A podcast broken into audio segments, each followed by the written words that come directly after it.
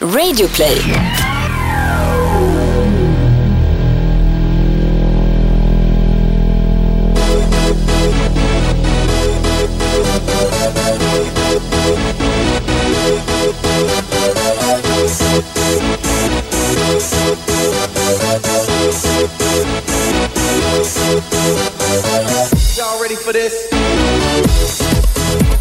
Fan vad roligt det känns att hälsa välkommen till Toto Balutto den här dagen. Det är nämligen så att vi för några timmar sedan vann den åtråvärda Guldskölden i kategorin Årets podcast. Thomas, eh, vad känner du? Äh, Tacksamhet till alla som har röstat. Stor kärlek, tack så mycket. Eh, vi ska också få ett eh, speciallevererat grattis här från dagens gäst Johanna Frändén. Först och främst välkommen. Tack och grattis. Stort tack! Det finns ju en, en eh, intressant sidotake här i och med att eh, silver och bronsmedaljören i årets sportkrönikör-kategori sitter i samma studio också. Så är det. Det kanske är första gången eller? Det är första gången. Mm. Vem är mest besviken på att det inte blev guld? Eh, ja, jag har ingen aning. Hur, hur mycket förväntar du dig i guld? Jag är, Inte alls. nej, jag är halvbesviken. Alltså, jag, nej, inte, jag är inte så besviken över det. För Thomas var det ju viktigast att slå Bachner.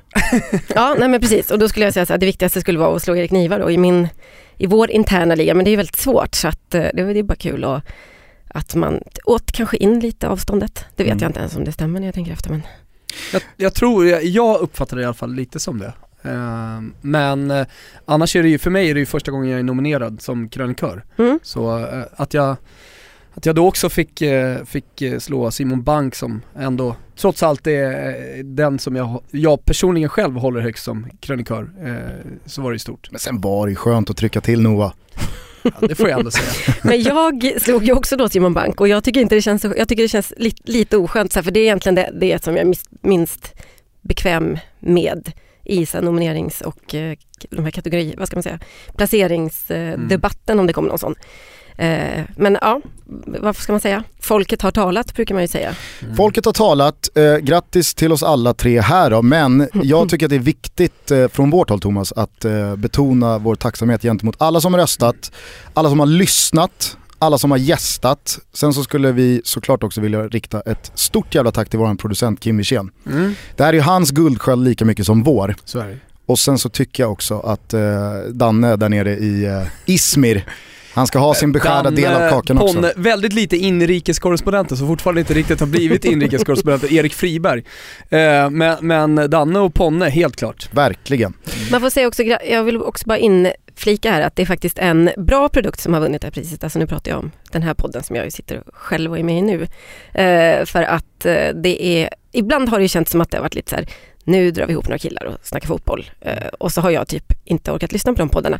Så började jag lyssna på Toto Blutto och kände att eh, här finns det i alla fall en tanke och det finns typ en, någon form av ödmjukhet och eh, ett proffstänk. Så att eh, väl unt. Tack. Stort tack. Vad, vad har du lyssnat på för avsnitt? Jag har lyssnat på Hasse Backe lyssnade jag på. Eh, Erik Niva lyssnade jag på. Någon mer som jag inte kommer på på rak arm då. Det var faktiskt jävligt roligt när Erik var här.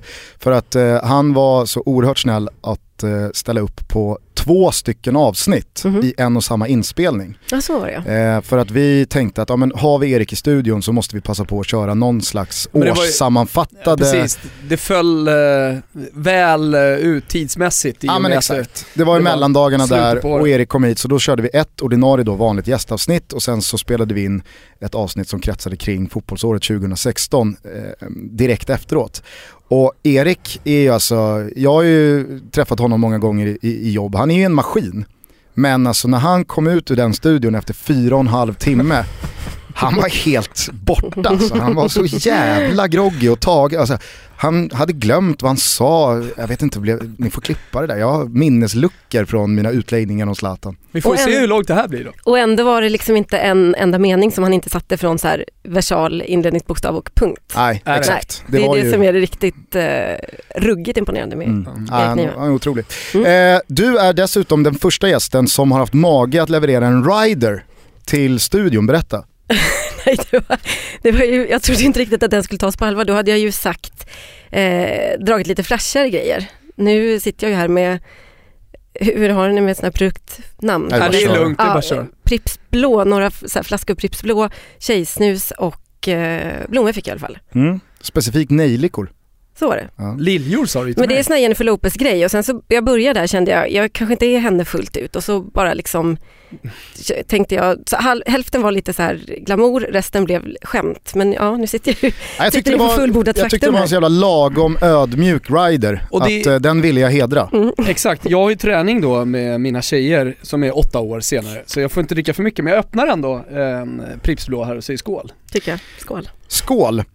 Precis som alla gäster så börjar vi med en faktaruta. Så att det är bara svara från magen. Fullständigt namn. Johanna Frändén, Inga mellannamn. noll mellannamn. Okej. Juanita kanske man får säga. Ja det kan man väl säga då. det är väl nästan etablerat. Ålder? Eh, 30, ja 35. 35. Mm. Känner du dig närmare 30 än 40? Jag känner mig närmare 20 än 30 faktiskt helt ärligt. Så att, ja. Snyggt. Vad känner du där? Du Också- det är snart dags för dig. Jag har ju någonstans mentalt stannat vid 16-17 så att jag känner mig väl alltid så. Mm. Och sen nu när jag har fått barn och de börjar bli, ja, eller min äldsta dotter som sagt är åtta år, känner att vi, vi är ganska nära varandra ändå liksom. att, eh, Vilka språk behärskar du?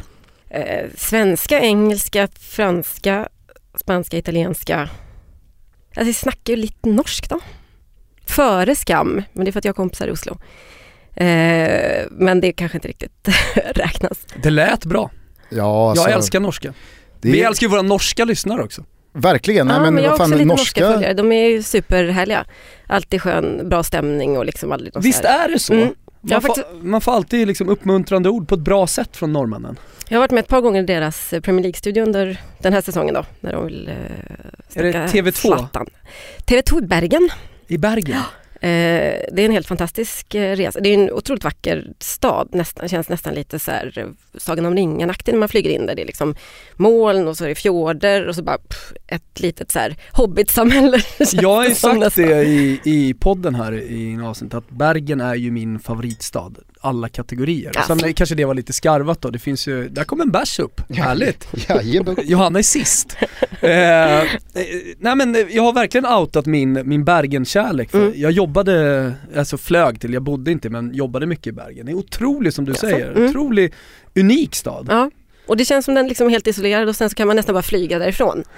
Eh, ska man typ ta tåg till Oslo tar det sig evigheter. Så att, eh, ja, en super... Sen gillar man ju också att. Bergenfolket har ju någon slags storhetsvansinne och ser sig själv som störst, bäst och vackrast också. Att det någonstans också är, alltså Bergen är eh, Norges egentliga huvudstad. Mm.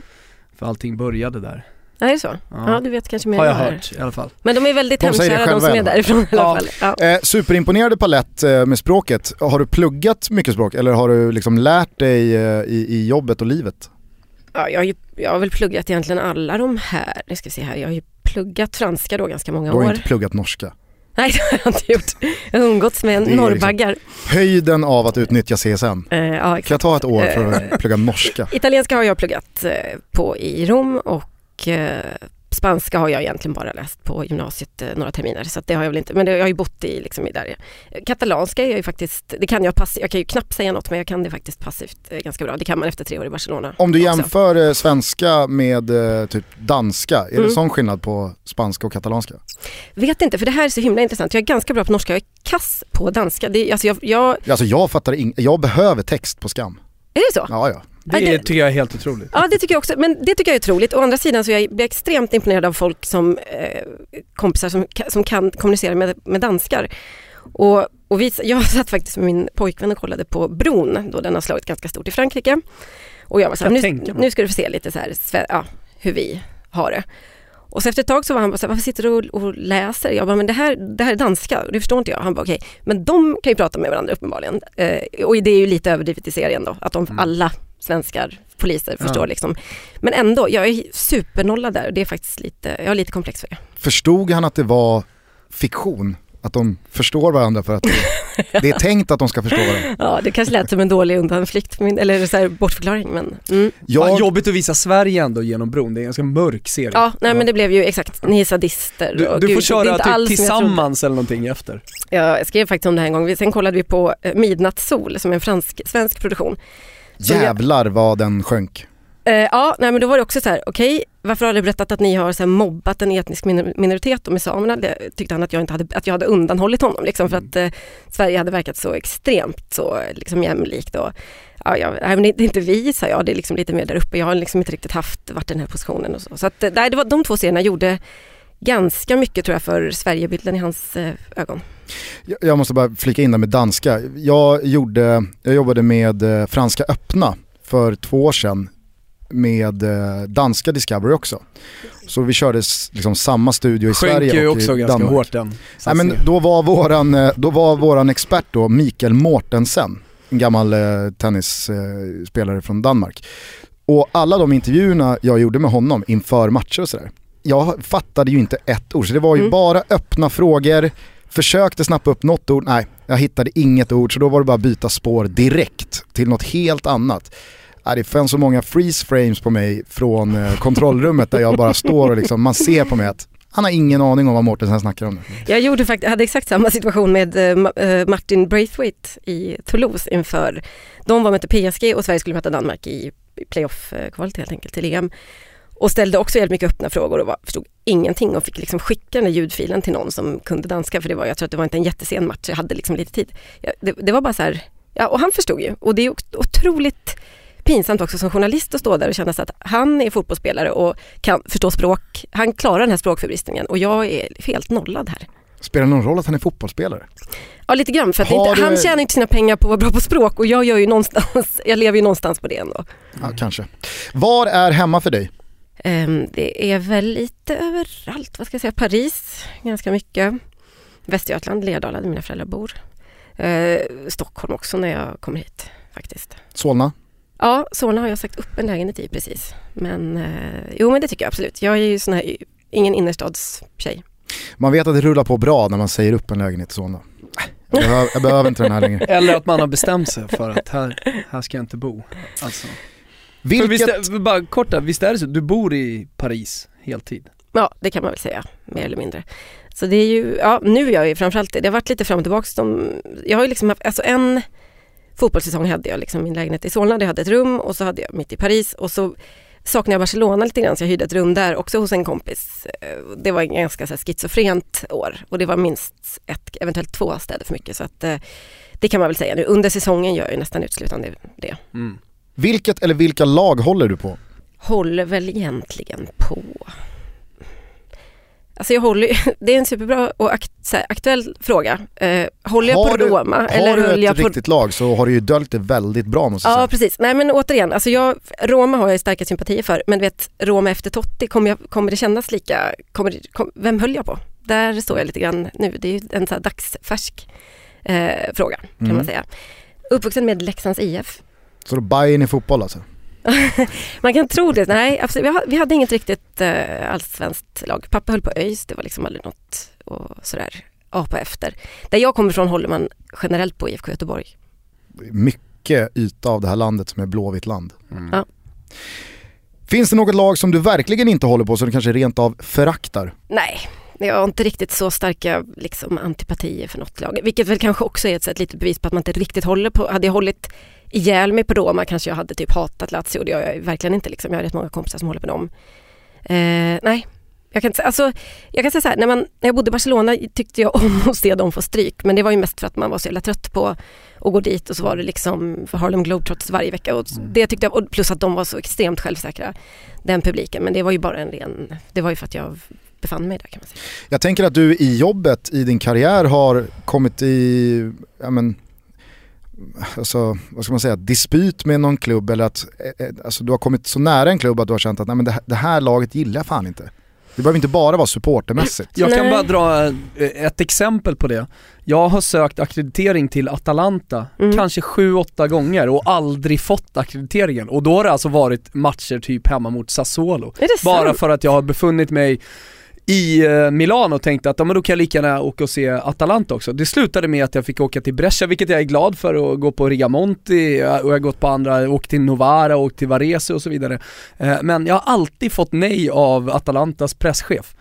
Eh, no, ja, jag, Har du bråkat med Glenn Strömberg någon gång? Jag tror att det är nyckelfrågan alltså, det är här. Tvär, det, är, det är tvärtom. Jag har mm. till och med dragit Glenn Strömberg-kortet och mm. jag tror senaste gången sa jag såhär, nej nu ska jag faktiskt ringa till Glenn för att mm. nu måste vi gå till botten med vad fan problemet är här egentligen. Mm. Men jag har fortfarande inte kommit in på pressläktaren i Bergamo. Är den superliten eller?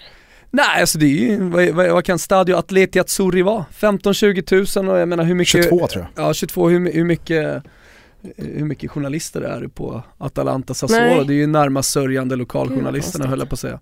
Men jag tycker det är faktiskt en bra fråga för jag brukar försöka hålla isär det. Alltså Barcelona är ett superbra exempel på en klubb som är väldigt bra med media. De, jag hade ju jätte, jättemycket tillgång till, och inte bara jag men alla de jättesuperstjärnorna, när jag, framförallt när jag började där. Eh, PSG är ju rätt jobbiga att ha att göra med kan man säga. Nu var man svensk och då hade man lite företräde liksom under eh, Zlatans år där.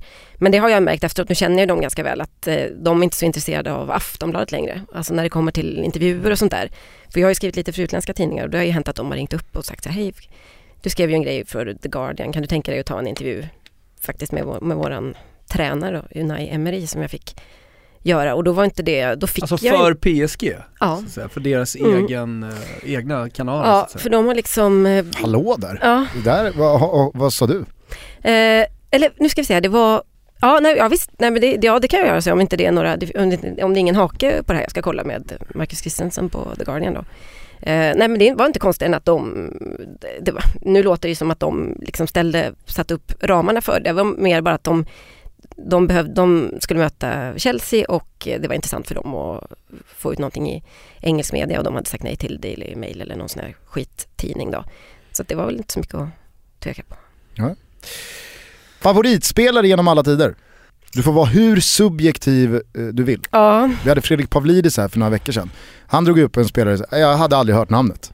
Väntat. Det gillar man ju ja, också. Den lyssnade jag ju på förresten. Han är så oerhört behaglig. Ja, men jag, jag har jobbat lite med honom också på, eh, han var med i ett mästerskap där på 2012 var det, igen på SVT. Ja, han är fantastisk. Bio Rio. Nej, Nej jo det, det var det. Precis, då var han, satt han och läste sociala, sociala medier hos oss. Och, Exakt så, det, den sommaren var det. Ja, nej jag tycker mycket om Fredrik. Eh, vad var frågan? Favoritspelare genom alla tider. Ja, Han eh, svarade någon gammal köttare i Chelsea ja, 79 ja, typ. Ja exakt, ni höll ändå minen ganska bra. Typ att ni kanske hade koll på den här. Men alltså ibland måste man ju spela med. Ja. Även om vi har faktiskt gjort en grej av att man ska sluta hålla på och hela tiden eh, låtsas som att man vet. Det är ja, bättre vet. ibland Francesco att vara ödmjuk. Francesco Totti. Han tillhör ju typ, typ historien nu då. Mycket bra svar oavsett eh, hur, hur, aktuell han är eller inte. Mm. Nej, men jag skulle bara fråga dig på, angående det Thomas sa där, för att vi, jag vet inte om du befann dig i Frankrike då och missade den allsvenska premiären för två månader sedan. Mm. Eh, nåddes du av då explosionen av kärlek kring Sirius Kingsley Sarfo? Nej det gjorde han inte riktigt. Han gjorde en fantastisk insats då borta mot Djurgården, Sirius mm. vann med 2-0, han gjorde båda målen och han hade ju varit jättebra i Superettan året innan mm. men nu kom han upp i Allsvenskan, stor scen, fullsatt läktare Tele2 och han gör den matchen och helt plötsligt så exploderar då Twitter mm. med att Sarfo är fantastisk och då vet vi vad som händer. Då kommer ju då de som hade koll mm. på Sarfo vänta, året innan. Just det, jo, men vänta, då är det väldigt viktigt bekant. för dem att påpeka att mm. Var var ni i fjol mm. när vi hade koll på Sarfo? Men så kommer ju de i den tävlingen som också haft koll sen ungdomsleden då, mm. så, som ska stå högst upp. Ja, som visste att det här var en, det var en lovande spelare redan i, i Ghana. ja. Och då tog vi upp då som internationellt exempel N'Golo Kanté. Mm. För jag upplever att det är samma typ av ja, men man, man, ska, man ska gradera jag vet inte vad, vad det är man försöker gradera men att jag hade minsann koll på en Golo Kanté innan Leicester. Jo men det är, bara, det är ju så klassiskt eh, nörderi eller liksom expert, expertis på något sätt. Det tycker jag är ganska naturligt. Ni, vi har väl några serie B-fantaster här i, mellan oss tre också som eh, lyfter det ibland. Så det men när Pavlidis drog upp den här Chelsea-mittfälten, mm. det händer ju någonting, fan jag vet inte vem det här är, nu mm. får jag hålla färgen, nu mm. får jag säga någonting generellt här. Ja, han, den gamla jäkeln. Ja, jag fattar. Ja, men jag, är faktiskt inte, jag är inte så nördig eh, på fotboll alls och det har inte jag några problem med att uh, komma ut med. Alltså, vem, vem är det, typ? Men uh, jag vet känslan de första åren när jag var aktiv sportjournalist. Dels för att man var ny, man var ung, man är tjej liksom. Så då är det ju insatsen lite högre. Eller det är, så här, det är mycket, mycket svårare att komma undan med att inte ha koll på någon så här halvobskyr spelare. Men tack och lov har jag släppt det nu. Vill du fylla på med någon förutom Totti? Erik Cantona var ju en sån där eh, superfavorit back in the days. Zidane såklart. Ja, exakt. Nu är det någon jävla fransman. Eh, ja, nej, är mycket bra svar. Mm. Eh, finns det någon spelare som du aldrig riktigt gillat? Alltså det, ja, det finns väl några som jag aldrig riktigt gillat, men jag är väldigt sådär, jag har inte, jag har lite svårt att engagera mig på det planet att jag tycker att några, alltså han är så himla dålig, hur kan han få spela? Jag vet inte om ni kommer ihåg den här, vilket svenskt mästerskap var det då när eh, Magnus Turbo Svensson fick gå in och ta Anders Svenssons 2002. Ja, tack så mycket. Eh, och folk är bara så här, börjar hata på en person som har blivit uttagen i, Sverige, i startelvan. Det tycker jag är extremt osympatiskt och någonstans så. Däremot kan man ju tycka att det, det finns ju spelare som utstrålar något som man inte gillar. Rätt många faktiskt. Det, jag kan inte plocka ut två liksom, utan jag ska säga att det är rätt många stora världsstjärnor till exempel som jag inte känner sådär supermycket sympati för. En ing- som får väldigt mycket ut. skit som vi har nämnt några gånger, jag pratade med en nämligen i morse om det, det är ju Cristiano Ronaldo som Mm. alltid är någon slags vattendelare. Mm. Antingen älskar man honom eller så tycker man bara rent av illa om honom och när, nu frågade jag, för jag visste att jag skulle hit sen, alltså, varför tycker du inte om Cristiano Ronaldo? Och då var det mer så här, jag kan inte sätta fingret på det, jag bara tycker att han känns osympatisk på något sätt. Mm. Nej men jag, det förstår jag absolut. Han känns ju inte, nej sympatisk är ju inte det första man tänker på. man tänker på honom. Däremot tycker jag att man kan se vad han, liksom hela hans historia, var han kommer ifrån, hur hårt han har slitit, eh, alltså hur mycket talang han har men hur mycket han också har gjort av det och den här liksom extrema vinnarmentaliteten och alltså fotbollsspelare ger ju upp så otroligt mycket. Även om de får väldigt mycket så ger de ju upp otroligt mycket eh, eller offrar i alla fall väldigt mycket och det tycker jag att eh, det, det är alltid imponerande nästan. Sen har ju den här sidan av honom eh, som är, ja men bidra till välgörenhet och hjälpa till och så, kommit fram, tycker jag, väldigt mycket mer nu under våren.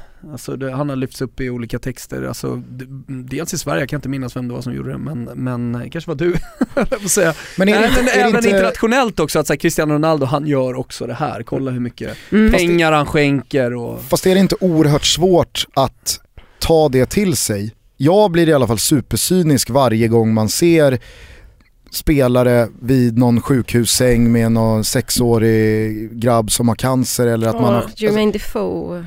Nej men det det, blir ju väldigt Mm. svårt tycker jag att, alltså det blir så orättvist mot spelarna för det finns säkert de som verkligen till 100% menar väl och vill Mm. göra det här och Mm. skiter fullständigt i om det finns en kamera i närheten eller om det här läcker ut. Men varje gång det når mig så är det omöjligt för mig att inte tänka, ja men det är väl klart att det, det här kostar dem ingenting att Nej. göra och Nej. de får så mycket tillbaks på Så det. kan man tänka, men alltså varje gång jag ser de, den typen av bilder, jag var på AIK mot Malmö här senast och då var det någon tjej, jag tror att det skulle ha kunnat vara någon slags inspelning av Min stora dag eller någonting sånt med eh, ja, en, någon, någon slags rosa huckle på sig, alltså hon uppenbart hade ju varit, eh, eller var sjuk då, Mm. eh, som, som var nere på planen, de tog bilder och hon fick matchtröjor och sådär när matchen var slut. Mm.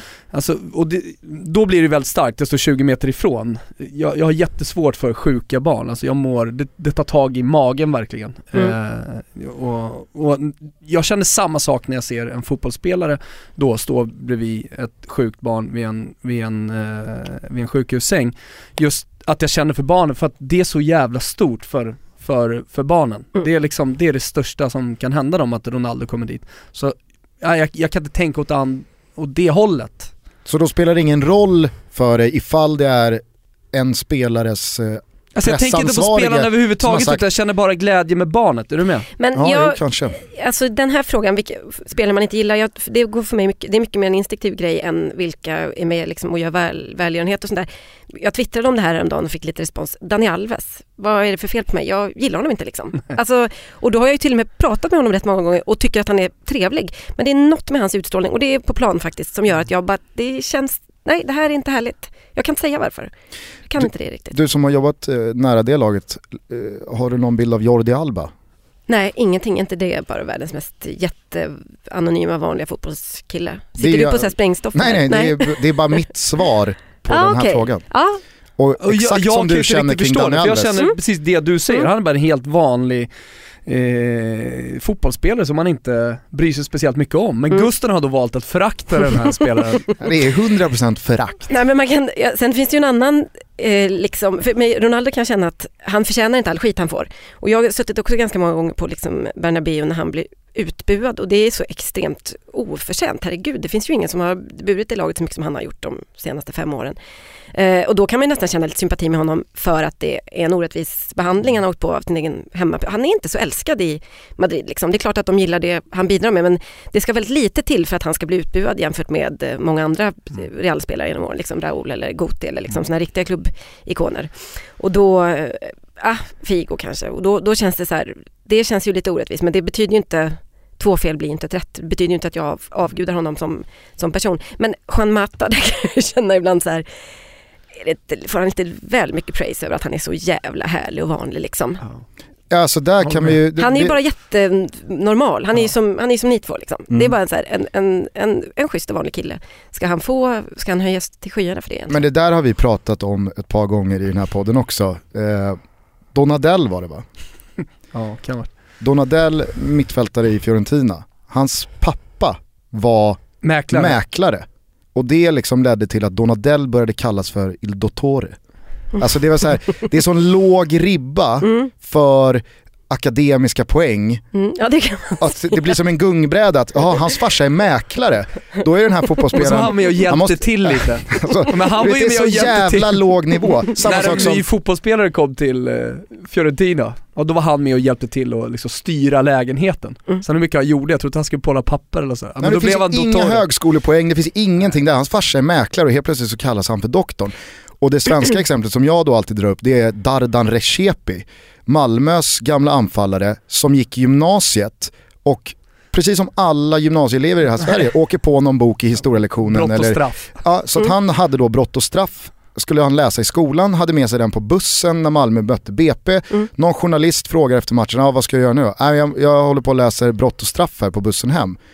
Och det har ju hängt med honom fortfarande att Dardan Recepi, det, är, det, det är ett jävla geni. Fast då ska jag säga så, då är man ett geni för att man har, kanske inte för att man har läst boken men för att han fattar att det, det här finns något att vinna liksom. Ja men det gjorde han ju inte heller. Han, sa ju, okay, han, han, han berättade bara vad han hade i läxa. Okay, okay. Men, här, den, han är 18 år och läser Dostojevskij. När Henke Larsson bröt eh, knät var det väl i den här matchen mot eh, Lyon för Benet. Skenbenet till och med. Skenbenet var ja. Knät, har någon någonsin brutit? Nej, ja, nej, fan, nej, Zlatan drog... bröt ju knät kan man ju nästan säga. Ah, tveksamt, han är igång igen. Okej, okay, man kan dragit korsbandet kanske är lite mer, ja. eh, lite mer anatomiskt rätt. Skitsamma, så kom det ju fram att han låg och läste Henning Mankell eller vad det var. Och då blev han ju också en sån här intellektuell gigant. liksom folk bara, men vad i helvete ja. händer här, Henrik Larsson? Nej men Omata har ju fått samma grej. Jag tror att ja, han har exakt. läst någon distanskurs va? Ja. Och sagt ja, men jag har så jävla mycket fritid. Och mm. jag, jag, jag vill eh, bara göra någonting på fritiden. Ma Mata läser ju dessutom lite så här, lite så här bit alltså typ så Bukowski och sådana där typer och det får han ju jävligt mycket praise för. Och det är ju bara douchebags som läser dem. Alltså i, inom killar som läser litteratur så är det alltid de värsta, de som bara läser de här riktigt så här röviga eh, ensam, ensamma man-författarna. Ja. Så att eh, där har jag ändå lite invändningar mot Juan Mata. Mm.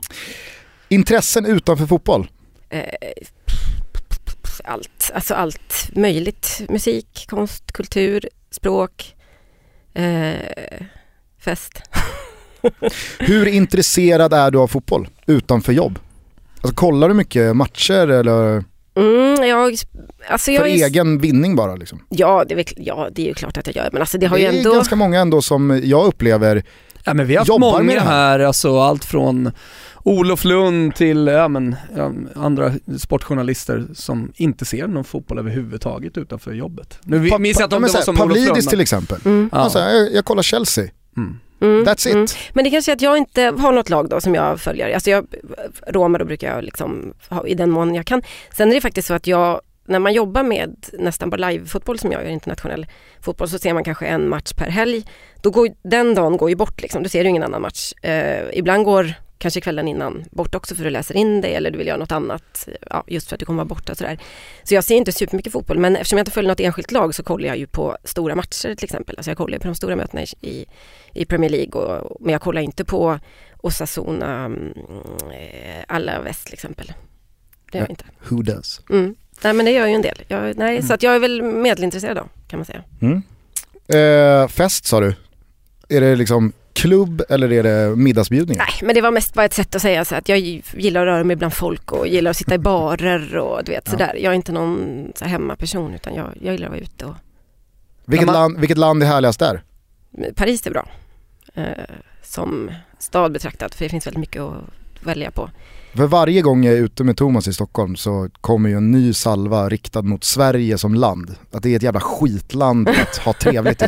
ja men det, det kan jag på ett sätt hålla med om. Alltså, Stockholm är svårt om man inte har jättemycket pengar och det slår mig alltid när jag mm. kommer tillbaks för att jag eh, drar inte in jättemycket pengar eller jag har liksom bestämt mig för att inte jobba. Jag jobbar inte supermycket och jag tar inte ut, jag har ju ett eget företag, tar inte ut supermycket lön och jag har liksom inte det umgänget ändå i Frankrike så jag känner inte att jag behöver det men alltid när jag kommer hit så, så vill folk träffas och äta middag på Riche eller på du vet, det och det stället och någon ny, liksom, jag vet inte vad, um, innekrog på, du vet, i så här, Medborgarplatsen var kanske ett dåligt Punk exempel. Punk Royal kan komma upp där. Är det så? Ja. Och så bara tänker jag så här, oj, är det här för att jag är hemma och vi ska liksom, nej det är för att det här gör du så här, tre gånger i veckan och det hade jag ju inte någonsin kunnat göra. Och det är lite samma att gå ut och dricka drinkar eller vad som helst. Det är ju lite större tröskel liksom i Stockholm för att det kostar mycket pengar. Det är lite så krav på hur man, att man måste kanske lite grann klä upp sig. Det blir liksom en hel kväll. Det är mycket enklare i Paris att bara ringa någon. Hej ska vi ses där och ta en aperitif och så är det liksom nio euro senare så har man druckit två glas och är ganska nöjd. Jag var på Marie Laveau som också, i alla fall förut, det är säkert inte jättetrendigt nu men, men för några år sedan. hörde jag. Det ska till och med mm. stänga. Men eh, strax efter Thomas var där, tog de beslutet. Nej, efter, det är inte värt det. Efter att ha köat då, när man äntligen kommer in och man har köat för att få en drink mm. eh, eh, och så betalar man så 379 spänn mm. för, för, då, då, då mm. vill man ju bara gå hem. Då är det inte ja, kul längre. Nej jag tycker också det gör ju också att uh, utelivet och liksom klientelet blir så himla likriktat. Man springer bara på samma typ av människor ofta då när man är ute i Stockholm och det tycker jag också är lite trist för jag tycker det är kul när det i alla fall finns någon form av, av blandning. Så att, uh, men mer ba, alltså, för, hade du frågat för fem år sedan så var det nog mer klubb. Nu är det faktiskt inte så himla ofta längre. Så att jag är väl 35 då någonstans. När man pratar med folk som har varit mycket i Paris, kanske inte bott där, till exempel Martin Åslund. Mm. Eh, så, så, så, aha, ska du till Paris? Vilket distrikt bor du i? Och så kommer det här numret upp och sådär. Mm. Och då, då, vad jag förstått på håll, kan man vara då olika nummer om mm. man är Paris. Vilket nummer är du då? Ja, bra Menes, fråga. Jeremy äh, Menes, inte mm. han, äh, alltså något, i, något nummer i utkanten sådär som man har på sin tröja eller kanske jag missuppfattat det? Jo, alltså först har du ju de här 20 arrondissemangen inne i, innanför tullarna säger vi då för enkelhets skull. Men sen så är de ju, eh, de som kommer från förorten har ju också sin, det är, alltså man är ett nummer för att det är sista numret i postnumret helt enkelt. 750 och så 01, 2, ja.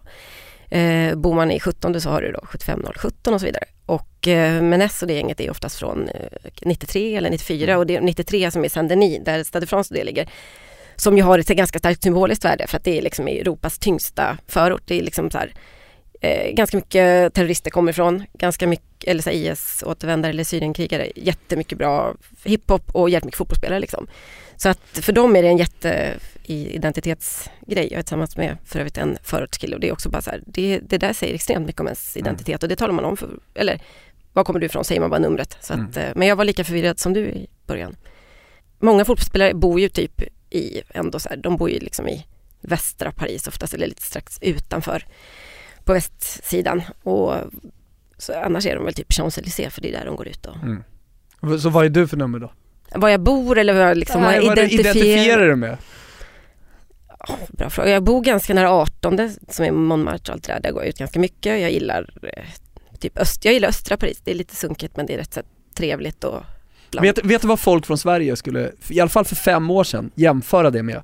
Tror jag, nu när du säger så det är lite som Paris söder. Mm. Det är lite som Paris Södermalm. Det är den värsta jämförelsen jag vet. Mm. Jaha, jag kommer hälsa på ifrån, men du, vad, vad är Florens Södermalm? Det finns inget jävla Florens Södermalm.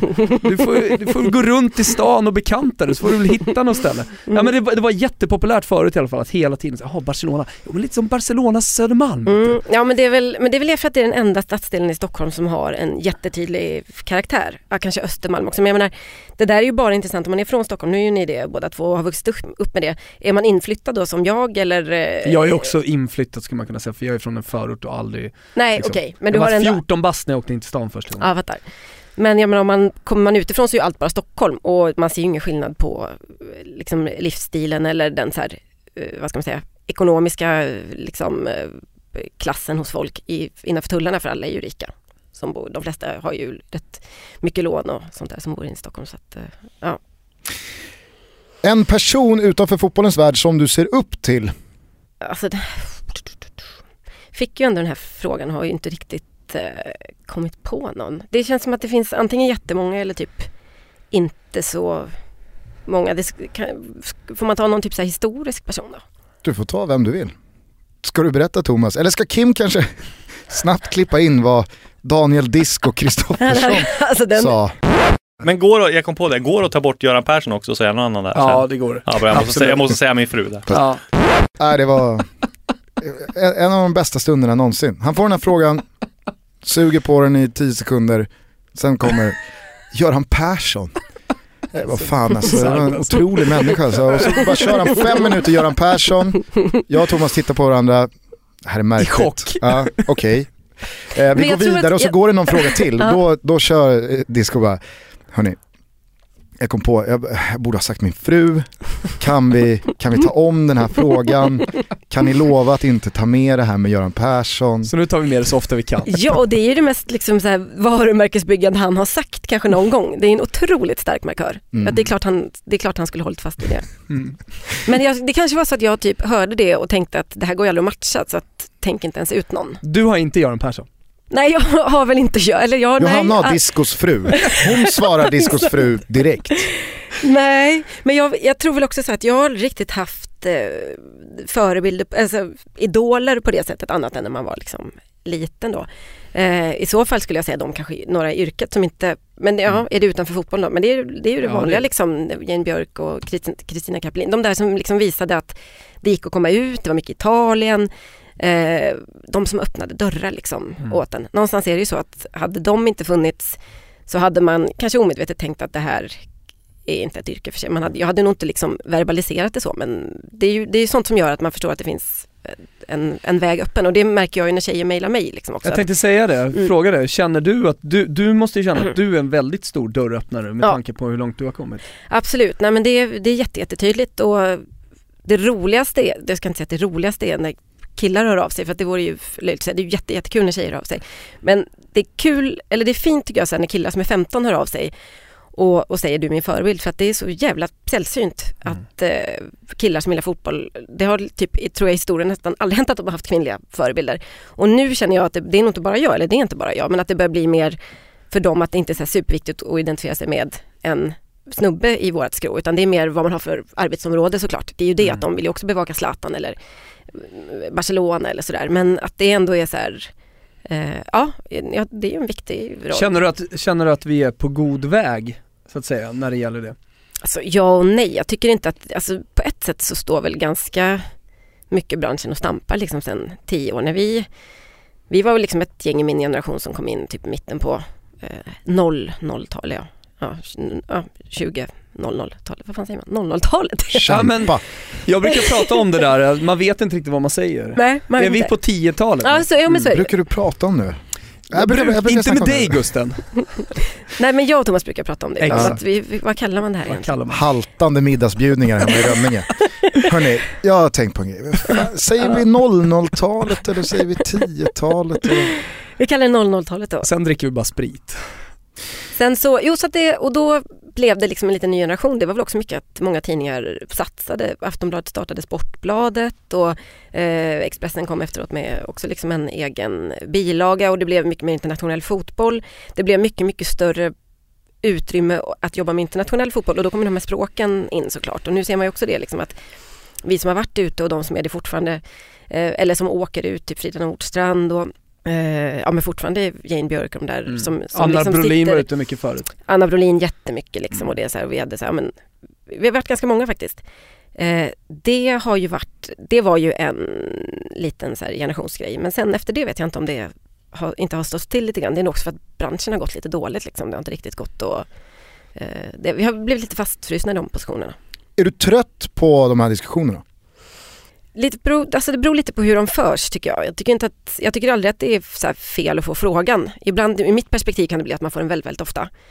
Eh, eller att man får extremt mycket mail från folk som vill göra ett här, gymnasiearbete eller ett, eh, kanske ett eh, arbete på journalistlinjen om så här, hat och hot mot kvinnliga journalister. Och det är klart att så här, det är viktigt att prata om men ibland så känner jag att jag orkar inte tre gånger i veckan och ha en Skype-intervju när man sitter och liksom ältar de här frågorna. Så att eh, ja, jag tycker det, kan, de är, det är viktigt att de finns men det är också bra att man kanske kan avlasta varandra lite. Jag tyckte det, det ringde någon i går var det väl, eller i förrgår angående, det var ju på Franska öppna så var det ju en tjej som blev, stod i tv och blev liksom attackerad nästan av en eh, supporter eller var han spelare som försökte liksom Fan att det var spelare Ja jag, jag tror det också. Ja. Eh, du vet som så här, försökte liksom släta av henne i princip nästan i tv och då ringde någon från Kulturnyheterna tror jag det var, mig och där känner jag direkt så här, jag förstår det här eh, tankebanan. Det hade varit mycket mer intressant att ringa Thomas Wilbacher fråga, vad tycker du om det här? Det är jättekonstigt att tjejer ska svara på mm. varför tjejer, eller du vet, hur ska man reagera på det här? Det, det finns ju, jag menar, det, det, är minst lika intressant, om inte mer intressant att höra vad tycker eh, en manlig chef om det här till exempel. Mm. Vad tycker manliga kollegor? Det här är för jävligt. Det hade varit mycket mer värt kanske att och, och, se på det så ibland. Men jag förstår ju symbolen. När Kulturnyheterna ringde dig, då ringde Aktuellt mig och frågade om jag kunde vara med och diskutera eh, italiensk fotboll i Aktuellt. Ja. Jag tänker att det finns eh, ganska så stora delar självmål i att, som du säger, hela tiden bunta ihop kvinnor med andra kvinnor. Ja. Att man tror att ja, men nu lyfter vi det här och mm. Johanna vill slåss för alla och hon vill vara rösten utåt och hon har såklart någonting att säga om det här. Men jag tänker att det, det många gånger blir ett självmål att man ännu mer då cementerar att kvinnor är kvinnor ja, och alla förstår varandra och alla tycker likadant ja, och visst. alla har samma agenda. Medan det aldrig skulle ske kring manliga, Nej. i det här fallet sportjournalister. Det är aldrig någon som skulle fråga eh, disco. Ja, vad tycker du om, eh, alltså, uh, uh, kan vi få din take här på det som hände någon på Aftonbladet? Nej, Nej exakt, ja, precis och det tycker jag också är ett, det är ju ett problem. Eh, samtidigt så är vi ett, en grupp som, där det är ganska många som är goda vänner och vi håller ihop och liksom pushar varandra så. så att det är lite dubbelt det där. Jag tycker att det finns en poäng i att uh, lyfta kvinnor som grupp och så men jag känner också ibland att jag inte har har lust och, eller du vet så här, varför är det då så få eh, Eh, kvinnor som är nominerade till Guldskölden eller eh, finns med i det här sammanhanget eller sitter i Viasat-studio, vad du vill. Och så är det så här, ska, jag kan inte svara på det varje gång. Jag kan faktiskt inte riktigt eh, göra det. Liksom. Fråga Anton, 16 i så här Hökarängen, varför, vad är det som gör att du eh, konsekvent inte liksom skulle lägga en röst på, eh, inte vet jag då, Anna Brolin eller bla bla. Eh, för det, det är ju där, det är det som är intressant. Sen finns det väl mycket att göra på redaktionen också men jag tycker ändå att den ambitionen finns där. All kunskap finns ju såklart inte eh, alltid men mina chefer är ju jätteinförstådda med problemet tycker jag och, och, och liksom är så här, vi har ju ett jag ska faktiskt på en after work idag med Aftonbladet där vi har jämst, eller genustema och det är bara så, det hände ju inte för tio år sedan liksom. Nej men så är det ju på Expressen också, alltså där försöker vi anställa 50-50 eh, mm. eh, eller snarare tvärtom så att det väger över. Mm. Men det är som du säger, där, där finns också ett problem för att det finns, alltså det är inte så många som söker nej, tjänsterna nej. alltid. Och det är där det börjar. Söka med, det, det, men det är kanske är ett bra tillfälle då att säga det till alla till alla unga tjejer att både Aftonbladet och uppenbarligen och Expressen söker eh, efter kvinnliga sportjournalister. Mm, så är det nog.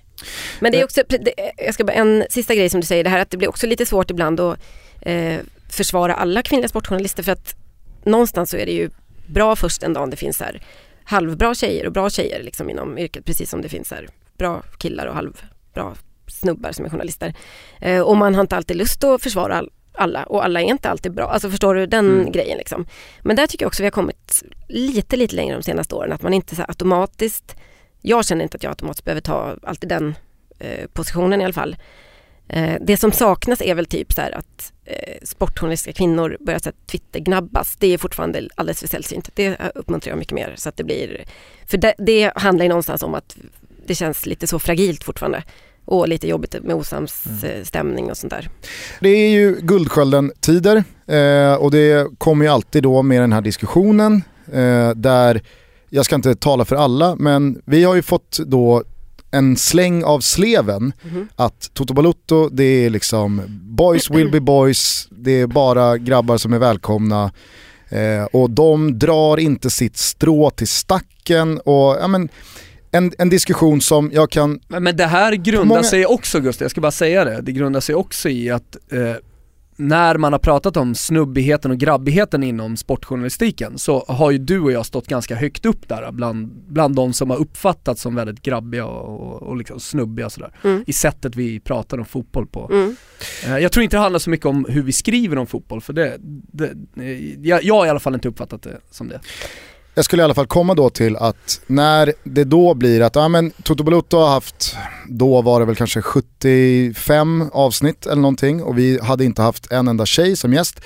Ett, det är inte 75 gästavsnitt till att börja med, Mm. men sen så kände jag liksom så här, men vänta här nu, jag har ju inte aktivt på något sätt valt bort tjejer för att de är tjejer. Jag har inte inte bjudit in någon för att det är tjejer och här är bara killar välkomna. Vi har bjudit in de som vi vill ska komma hit Mm. och det har vi gjort för att de är de, inte för att någon är kille, inte för att någon inte är tjej. Vi har bjudit in, jag menar jag har jagat dig sedan vadå, november. Sveriges mest svårbokade gäst. Överlägset. Och, och, och, så, och så vill man bara skrika ut Så och så många här, män men- som har jagat mig så mycket längre än så Gusten, vill jag bara säga. Jag blir inte jätteimponerad av den, Nej, okej. det otroliga tidsspannet som du målar upp här. Okej.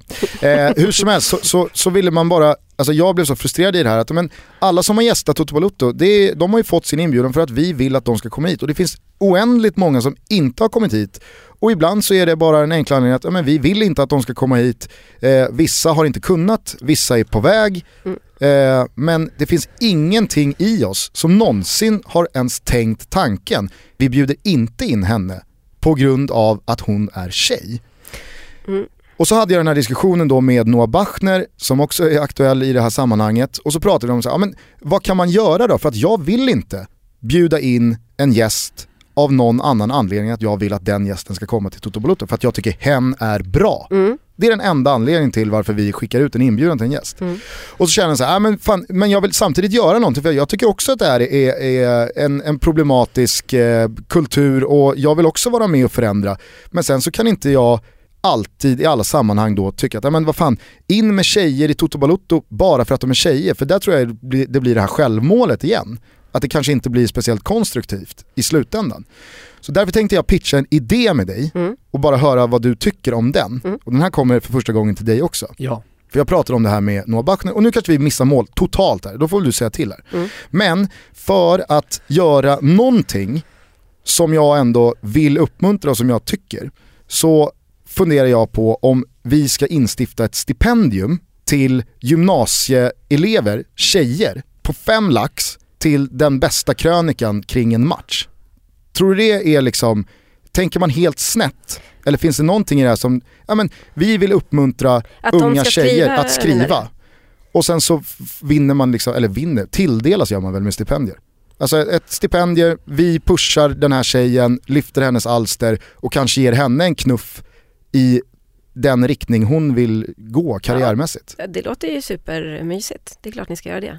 Tycker du det är en bra idé? Ja det tycker jag, men jag tror att det finns enklare grejer att göra liksom lite närmare. Nu, då, nu tar ni ju på ett stort, Gusten, här. Ja, nej men det är ett jätteansvar. Det är ju, det är kanske mer än typ en hel tidning skulle ta på sig eller inte vet jag. Public service liksom eller något sånt där. Men, nej, men det är väl jätte, jättebra. Jag tror att det som du var inne på tidigare att jag väljer ju inte bort tjejer. Alltså jag är inte alls en sån. Det tror jag är precis Eh, kanske en del av, i alla fall, av grundproblemet i väldigt många också som röstar i de här, framförallt kanske Guldskölden som är bara så, nej, men jag, det är inte det att jag väljer bort sig utan jag tycker att de här är bäst och skönast och hit och dit.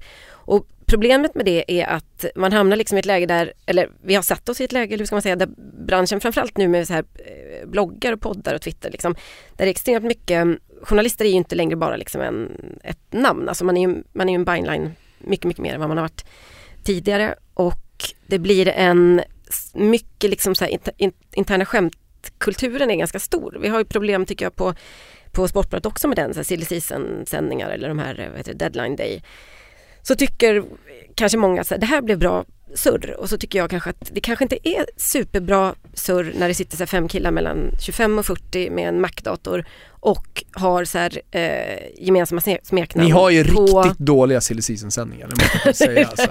Nej men förstår du vad jag menar? Och, och, och när man så gemensamt pratar om den och den, till exempel italienska eh, silly season-gurun som man har ett smeknamn på och det finns, det finns liksom ett narrativ som man säger runt det här som gör att om man kommer in och inte riktigt varit med från början så känner man sig inte supervälkommen.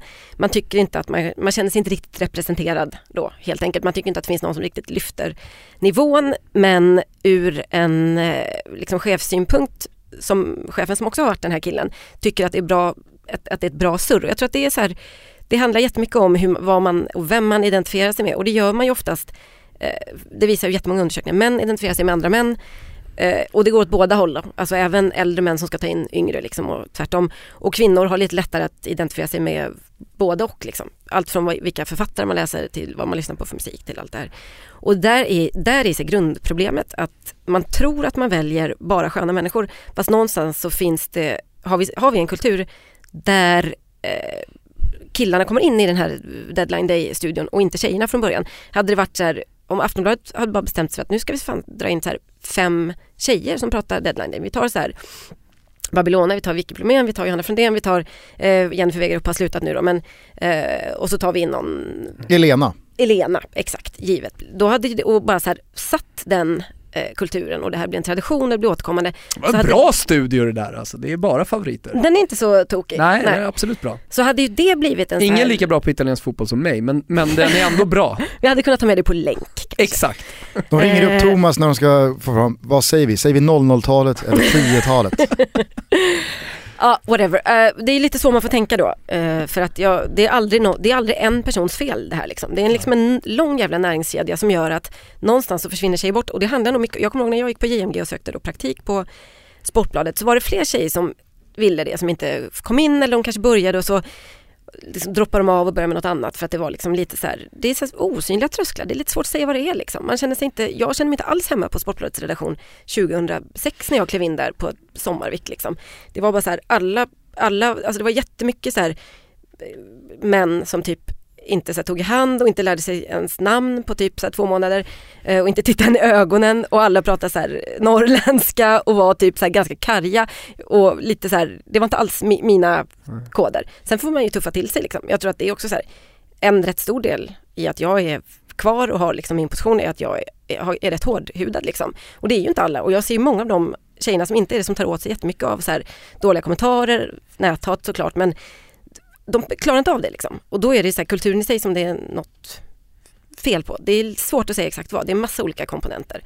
Sen kan man också diskutera hur mycket tjejer är rimligt att ha då i en, på en liksom sportbilaga. Om inga söker jobben eller inga vill komma in på som ni säger så är det ju, då ligger ju problemet ännu tidigare. Liksom. Då handlar det om öppna dörrar och bla bla och sådär. Hur tänker du i, i relationen då, alltså kön förändra demografin kontra kvalitet? Ja men alltså lite som det du pratar om nu. Hur mycket kan man göra om ingen söker? För jag kan uppleva att det finns också en, en tabu kring att våga ställa frågan, ja men om en fjärde kille är bättre lämpad för uppgiften, är det då bättre att köra honom eller är det bättre att kvalitativt sämre ta med tjejen? Alltså den, den som är mest lämpad ska, ha, ska ju såklart ha jobbet. Liksom. Jag tror inte att det är någon som inte tycker det. Man måste diskutera vad som är kvalitet då och vad det är som gör att vi uppfattar ofta manliga egenskaper som bättre kvalitativa. Alltså att det kanske är då väldigt ofta nördkunskap. Det här är inte oviktigt heller. Att, eh, som tjej om man har varit intresserad av fotboll, jag har varit liksom i princip hela mitt liv, så kommer man liksom inte, man har inte riktigt den kulturen runt sig om man inte hängt jättemycket med killar då, att prata om varje enskilt resultat eller varenda jävla vänsterback liksom i Fiorentina sen mm. 70-talet. Det, alltså mina gamla tjejkompisar, ingen bryr sig om fotboll. Alltså de är bara så här, de vet ju inte vad jag gör riktigt. Det är först när de typ kom in och började jobba och bara såhär, fan min, jag har en kollega som gillar det, jag fattar mm. ingenting liksom. Hur kan han veta vem du Alltså det, i början var det väldigt mycket så liksom. Eh, så att man har inte det angreppssättet på fotboll, man har ett lite mer kanske utifrån perspektiv. Det är inte så att folk kommer fram och så här, vill gnabbas om liksom, du vet, så här, Stockholmsderbyt om nästa helg och så. För att, så upplever jag i alla fall att man inte riktigt har, man kommer inte riktigt in i den gemenskapen om man inte verkligen så här kliver in i den och då, vilket ju också gör att man har ett annat, ett annat sorts intresse kanske lite grann. Man kanske inte riktigt har, det kanske också håller på att förändras men jag tror att det är mycket det att man är, fokuserar jävligt mycket på vissa egenskaper och sen handlar det mycket om självförtroende också. Det är klart att jag har ju också sett det på Sportbladet, kommer in killar som är liksom 25, lika gamla som jag var när jag började och är så jävla säkra på att de ska bli nästa Erik Niva. Eh, och är lite så här, lite för lata och lite för nöjda med, liksom, med sig själva, har lite för dåligt ordförråd och eh, är lite så här för de, de kan inte journalistiska grundprinciper till exempel. Men de har ett jävla självförtroende och det där smittar också av sig. Alltså någonstans så tolkar man ofta det som att de kanske är bra eller det här är en oslipad diamant. Du vet den där typen av ord som man inte riktigt använder om tjejer som kommer in och är lite nervösa och säger nej jag vet inte om jag kan åka ensam på det, jag vill gärna ha med mig någon. Och, ja, alla de där grejerna liksom. Mm. Som var jag när jag skulle åka på mitt första, det var någon allsvensk match, Djurgården, jag vet inte vad, Djurgården-Gävle säger vi. Kan du åka på den Frändén? Sa någon, en chef då, och, som inte såg mig i ögonen och inte visste vad jag hette förnamn. Var det där din norrländska? Eh, ja, det, var, det här var någon form av... eh, Usel. ja, det, Be om ursäkt! jag sa ju inte att jag behärskade det språket när vi gick igenom. Nej. Nej. Eh, och då bara känner man så här, eh, ja, ja, det, ja gud är jag liksom mogen för det, bla bla. Alltså du vet så här, som man är när man är helt nyutexad. Fan, jag trodde inte, visste inte alls vad jag kunde. Medans, eh, ja och då blir det också så här, nej men kan du dam, damfotboll då istället till exempel. Och jag, jag, menar, nu sitter jag här och pratar om eh, jämställdhet så jag skriver ju jättelite om damfotboll och det kan jag också känna ibland så här, fan jag när mig verkligen bara på den så här mest maskulina branschen som finns, manliga fotbollsspelare, det är ju hela mitt levebröd liksom. Så att ibland känner jag också att jag kanske bara ska hålla käften och ta ett steg tillbaka och inse att jag är en del av det här stora maskineriet. Ska vi gå vidare med faktarutan? Är vi på faktarutan fortfarande? Ja, eh, din fetaste fotbollsupplevelse? Som glad supporter är det väl typ så här, som alla i vår generation representerar, ändå VM 94 liksom. Jag vet inte, man vill vara lite indie men det är jävligt svårt att komma runt det. Det, fanns, det finns fan inget som slår den känslan man fortfarande har lite från den sommaren. Sverige, eller Tyskland, Sverige då, 4-4 matchen var ganska mäktig. Eh, på, som jag såg på plats på jobb. Eh, vad fan, nu kommer det ju igen här då, men alltså Tottis avsked i helgen. Shit, ja, det, var, det var mäktigare än både EM-finalen i somras och VM-finalen på Maracana. Jag tyckte det personligen. Jag var mycket, mycket mer så här.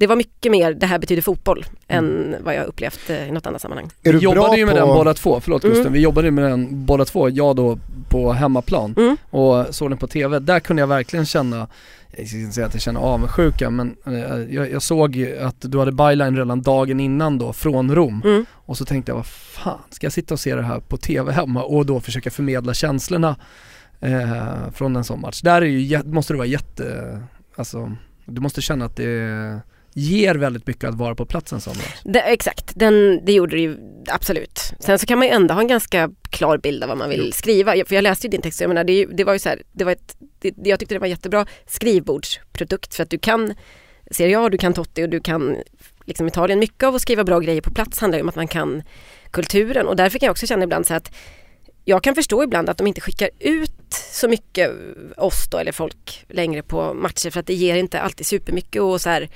eh, landa klockan liksom 15.30, checka in på sitt hotell, dra till Allians Arena och skriva en... Du har inte riktigt tagit på det, finns ingen jättemervärde i att vara på plats. Men kan man Italien eller Frankrike eller Spanien så finns det ju alltid en poäng med det för det ger liksom en liten extra mm man hör ju vad folk säger, man kan läsa tidningarna om de där grejerna. Så. Ja, det var, det var ju jävligt mäktigt att vara på plats. Det, var, det är jag superglad att jag fick vara. Fick Jag, jag eh, var två veckor före dig, jag åkte ner till näst sista hemmamatchen Mm. bara för att se honom en sista gång. Det. Det var ju antiklimax i själva Totti-biten av den. eh, Var det mot Juventus när han kom Ja, in precis. sista två? Och han bara stormade av planen och Mm. folk stod bara och buade och det var jättekonstigt. Man hade precis slagit Juventus 3-1 och Mm. det borde varit halleluja-stämning. Och ändå gick man därifrån och bara, Men det var inte helt Ja. lätt att ta, för att min lillebror var nere på sista derbyt, han bara jag åker på, vi måste åka på sista derbyt, det kommer bli liksom. Då var det lite snack inför för det att så här, det här blir, den, det här blir liksom det officiella, eh, eller så här, tifosi mm, Avskedet. avskedet för eh, Totti. Så han och hans polare som inte ens är romanister, de var bara så här, men då åker vi då. Och då blev det inte alls. Utan det, och, och jag sa att i början av säsongen, alltså i september så skrev jag till min chef så här, när Totti gör sin sista match så anmäler jag mig här och nu på att få göra den liksom. När, den, när det än blir liksom. Även om det inte blir i år så ja. Eh, så att det var ju nog rätt många som försökte få in lite olika matcher där. Tänkte att, Sen är de ju otroligt bra på den typen av hyllningar. Ja. Alltså det avskedet. Man har sett det i andra matcher också som inte har blivit lika mycket eh, uppmärksammade. Som Mm. vi pratade i förra avsnittet om Berlin i Atalanta. Mhm. Det var på samma sätt lite mer, eh, lite mindre såklart i och med Mm. att det är Bergamo men ändå väldigt eh, Ja men de, de, de värnar ju verkligen om sina, sina legendarer i Ja. Italien på ett sätt som jag inte upplever att man riktigt gör i, i andra delar av eh, fotbollsvärlden. nej, Så John Terry var det någon som jämförde med när Ja, han det. avslutade i Chelsea att det var inte alls på samma nivå. Nej men alltså, jag tror, och det som var unikt här var väl också att det är en sån, Tottis plats i Roma är en sån blandning av något jättelokalt fenomen och ett världsfenomen för att han är ju så himla unik i sin karriär. Men det kändes ändå väldigt mycket Rom över hela. Och så, kommer det inte, så känns det inte när en Real Madrid-spelare tar avsked, även om det är Goti liksom, eller någon som har varit liksom hela livet. För att det blir en världs, eller det är liksom en världsangelägenhet eh, så lång tid innan och efter och ja, det här var bara så här, det var, kändes otroligt lokalt. Och sen var det väl också, om man jämför med när Paolo Maldini slutade, så var det ju ändå så lite bråk med deras Ultra Ja. och de hade ju någon så här taskig liksom banderoll och så. Och här var det ju bara kärlek liksom. Mm. Det var det som var så himla unikt. Det var Sen är ju Totte en världsangelägenhet också för att han har varit i Rom och för att han är så kopplad till Rom. Så Mm. det blir ju väldigt stort fokus just på eh, Rom och att han har stannat i, i Rom. Ja. Snarare kanske då, eller nu har han ju inte vunnit så mycket men snarare än hans fotbollsgärning.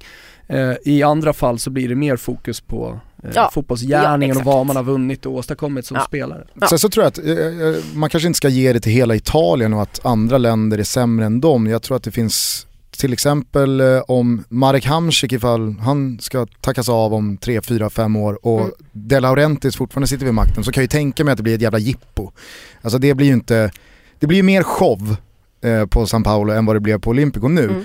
Det jag menar är bara att jag tror att det som varit så jävla rätt eh, den här gången och varför så många utifrån också uppskattade det och kunde ta till sig det var för att det verkligen var det alla egentligen bara vill ha. Mm. Man vill ha ett långsamt ärevarv. Mm. du vill stå där och applådera, kasta dina slängkyssar, Mm. känna dina känslor. Mm. Inga jävla uppträdanden, Nej. inga fyrverkerier, ingen show liksom, Nej. utan bara stillsamt, värdigt, det får ta den tid det tar, han läser upp ett brev, är lite spontan, barnen springer runt där.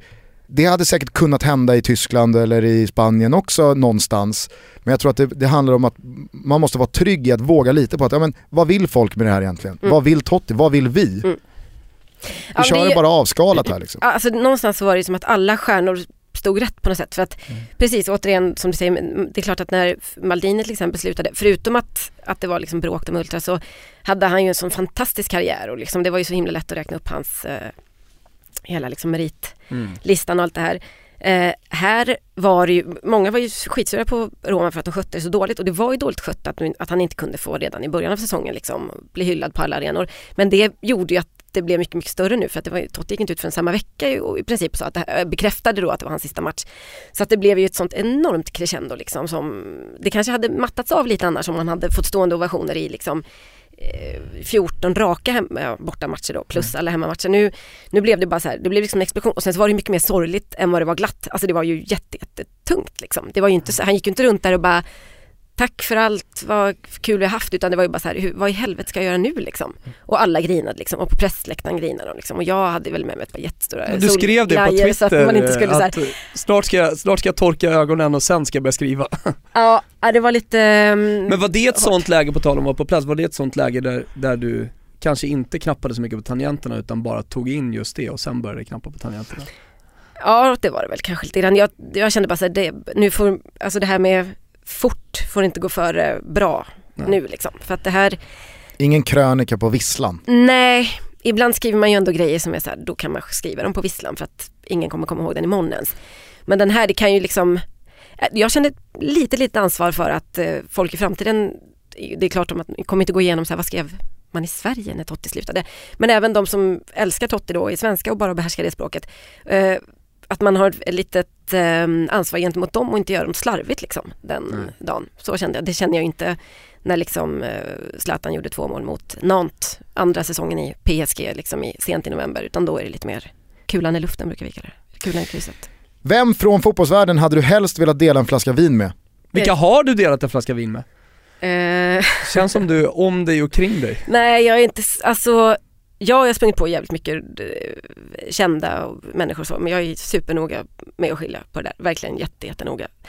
Så att jag en gång stod inför fullbordat faktum, det var faktiskt extremt skumt. Jag var i, det var Madrid-derby och en eh, skotsk journalist som är baserad i Barcelona som är också en god vän sa så här, du jag sitter i en lägenhet med några, kom förbi så kollar vi på, för det var också Manchester-derby samma dag, men liksom klockan ett då. Eller vad det var, fyra kanske. Och jag ja, kom förbi, klev in där och där, jag bara, men här sitter ju jag bara, här sitter ju Alex Ferguson fast det kan han ju inte göra för att han tränar ju det här jävla laget som spelar. Men det var hans bror, Mhm. vad fan heter han nu då? Ja, jag sa det kommer, det återkommer. Han scoutar framförallt Bosse Spanien. Ferguson. Precis, givetvis. Bo Ferguson. Han var där för att han skulle gå på derbyt. De var ju liksom inne på vem det var de skulle vara lite inne på att värva då. Han hade i alla fall den spanska marknaden som, som specialitet. Martin. Så heter han, just det. De är ju, de är ju splitting images alltså. De är jävligt lika. Så att, eh, ja och då var det ju, han drack ju jättemycket vin då. och jag tog väl ett glas där liksom och så. Sen, och honom har jag träffat några gånger efter det. Just för att han har varit i Barcelona och känner det där gänget ganska mycket. Otroligt oväntat. Visst är det sjukt? Ja, att, att vi skulle Mm. landa i Martin Ferguson. Mm, mm. Men vem vill du dela en flaska vin med då? Eh, Erik Cantona. För att jag tror att det, det hade ju inte bli... bara blivit en, känns det som. Jo, Eller så har men, man fel. men hade, det- så hade, hade det bara blivit en så hade det blivit ett jävligt bra vin. Mm. Liksom. Det är egentligen där man får börja någonstans. Och så har han slutat så jag hade inte känt mig så här korrumperad journalistiskt liksom. Och så tror jag att det hade varit bra snack helt enkelt. Han är ju så intressant utöver fotbollen. Ja, det får man säga. Mäktigaste numret du har i din telefonbok? Ja, gud vilken bra fråga. Eh, jag har, förutom Martin Ferguson har jag faktiskt ganska mycket, jag, tänkte lite på det innan för jag vet att ni brukar ställa frågan. jag har ganska mycket så här, sy, nummer syskon, eh, så här, Leo Messis brorsa, eh, Antoine Griezmanns syrra, det är oftast att de har sköter presskontakter då.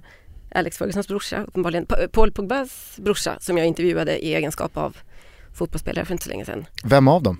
Eh, Han, han i Frankrike Ja, eller exakt. han i eh, Skottland va? Nej, Rotterdam spelar väl han Sparta, den andra. Men det är inte så jävla mäktigt Nej, det är inte så att jävla ha mäktigt. syskon. Nej, jag vet inte. Nej, det är bara att de är en bra så här eh. Nej, men jag har inte så. Lilian Thuram har jag då. Det är bra. Är det bra? Mm. Det är också en sån som så här. Jag, jag Lilian mest, Thuram, Griezmanns syrra.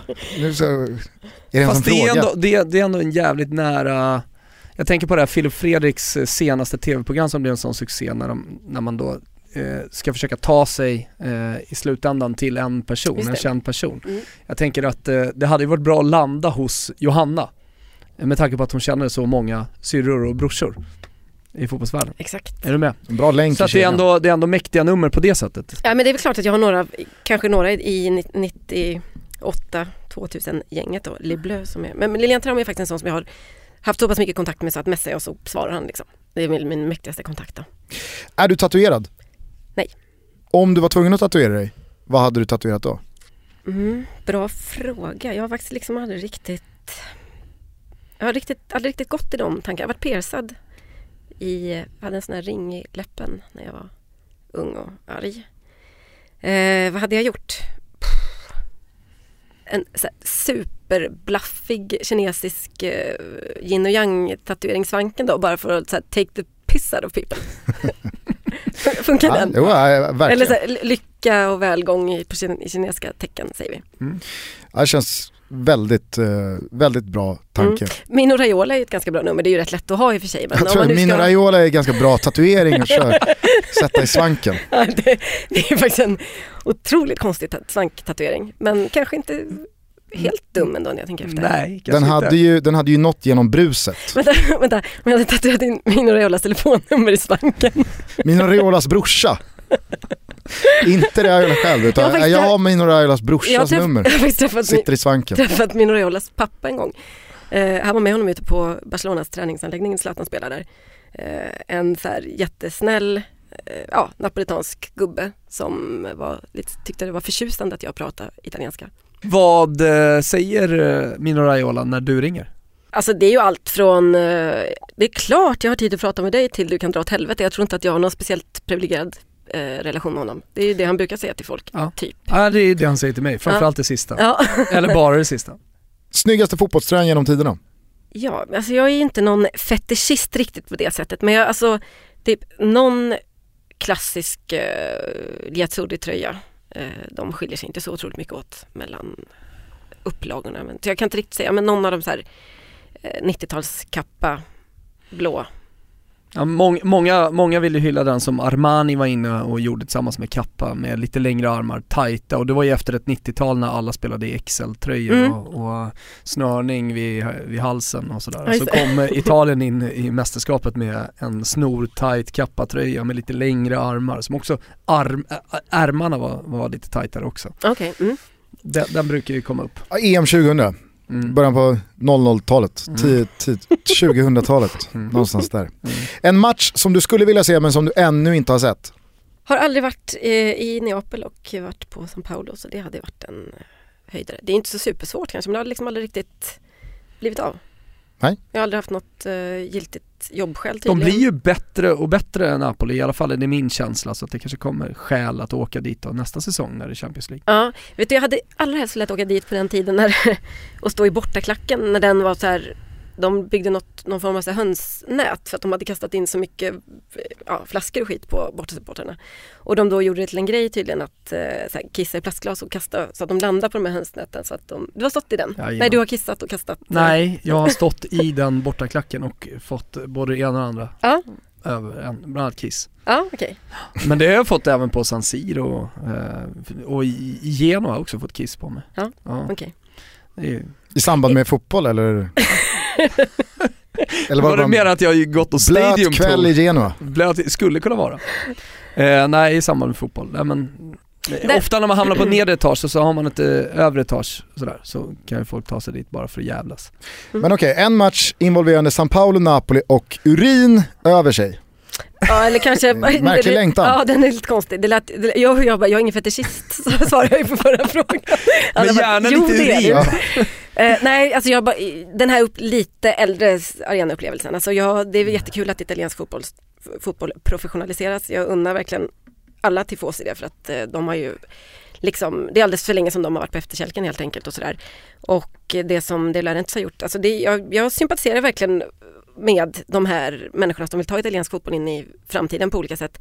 Men det försvinner ju någonting så att det är därför jag säger för fem år sedan då lite Men, men jag tror att din chans Mm. att få uppleva det, det är att haka på Hellas Veronas eh, b- borta supportrar nästa säsong. de nu gick ju de upp i Serie A igen. hatade ja. Ja, Mm. det, där har du din chans. Mm. Så mejla eh, sportcheferna på eh, bladet sen. Hellas Verona, eh, Napoli ja nästa den år. Eller tvärtom. det är en riktigt smutsig match det. Då får du åka med också hela vägen från Verona. Mm. Ja, det, här, jag, det är inte det supportgänget jag mest identifierar mig med måste jag säga men Nej, det jag, har, det jag vet om dem. Men det är en riktigt bra gulddusch. Det blir så aldrig rumsrent när jag ska liksom vara- vara med i poddar. Om inte Messi eller Ronaldo är ett giltigt svar, vem är då världens just nu bästa fotbollsspelare? Ja, alltså just nu kan man ju tolka som här, just i denna vecka eller den här våren. Det är lite så fotbollen är också ju. Alltså Ja. sådär, man lever väldigt... Ja exakt, den är väl väldigt mycket det.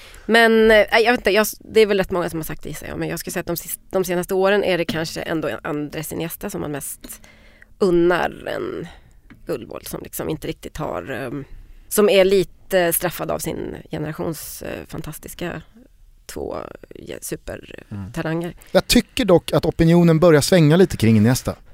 Ja men han är inte lika bra längre. Alltså Nej. nu, han gör ju fortfarande fantastiska insatser men jag menar mina, mitt kanske andra, tredje år i Barcelona, det, det, det, var ju, det är som att titta på det är inget som ser svårt ut liksom. Det är så himla sjukt hur man kan få det att se lätt ut. Det, kan, det säger, sa ju många om Xavi också och det håller jag med om. Men Iniesta är liksom, det, det är på något, alltså det är, han är så sömlös. Det finns liksom ingen, det känns, sen är det exakt, jag inser också det att jag har ingen speciell spelartyp jag faller för men alltid när jag radar upp dem så är det ju nästan alltid samma typ av lirare. Kanske inte ska jämföra Totti och Niesta men ni förstår ändå så här, artisteriet, genialiteten. Det, det enda jag håller emot, jag älskar Javier Pastore till exempel. Alla de här som är, men jag jag gillar dem oftast mest om de inte är riktigt så framgångsrika som de skulle kunna bli. Och det är lite det jag håller emot Iniesta. Han, han har ju vunnit helt mycket och varit briljant. Det är roligare med de här Pastore som är så, här, så mycket outnyttjad liksom, ehm, talang. Och att man känner att det finns mycket mer här och så får han utlopp i två matcher. Och sen låser det sig igen. Liksom. Alltså lite så här mentalt sköra, stora artister. Finns, eh, om man ska prata på damsidan, en, hon har slutat nu tyvärr alldeles för tidigt, Louisa Nesib i Lyon som också är bara en, här, en dröm att titta på. Liksom. Och, ja, det här elegansen är det väl helt enkelt. Ja, Jag kan verkligen co-signa på det där med att man gillar spelare som det har låst sig för. Att följa den här, frustra- se frustrationen på plan, att jag har så mycket mer i mig, men det vill sig inte bara. Mm. Rädslan för att folk fattar inte, men jag vet, men jag får inte ut det. Nej. Men ge mig bara en chans igen och till slut så vi måste plocka dig, vi måste sälja dig. Just det, eller kanske typ så här ännu mer, jag är typ ojämn för att jag, kan, jag är ingen maskin, jag är ingen liksom eh, Ronaldo. Ronaldo är egentligen det bästa så här, tvärtom exemplet, Messi för all del men han har ju ändå alltid haft sin trygghet, samma klubb och ungefär samma liksom Ja, han har ju utmanat Samma lite, omgivning lite mindre, samma, exakt samma omgivning och så. Men en sån som Ronaldo eller Zlatan som bara byter miljö och det gör fan ingen skillnad liksom. De är lika, lika så här obevekliga överallt. Och då är det, tycker jag, så gulligt med de som är man bara ser, och alla vill att det ska gå bra för dem och så kan de inte, de klarar inte av att vara, för att det kommer för mycket hjärnspöken. Pastore sa det någon gång när jag frågade, han hade gjort en, bra match då på 17 försök liksom. Mot Bordeaux borta. Jag bara, vad, varför är det inte alltid så här? Och du vet, med sina så här rådjursögon tittar han på mig, han bara, men jag vet inte. Nej men det där tror jag är en, en del av fotbollen som jag i alla fall tycker negligeras väldigt ofta i studio, i eh, sociala medier, i hela maskineriet kring fotboll. Att det är för få som vågar säga att ibland vet man inte. Nej. Alltså, Exakt. det finns inga svar på det här. Nej. Ibland gör du en dålig match Mm. och du kan inte hitta svaret i ytor, förberedelser, Nej.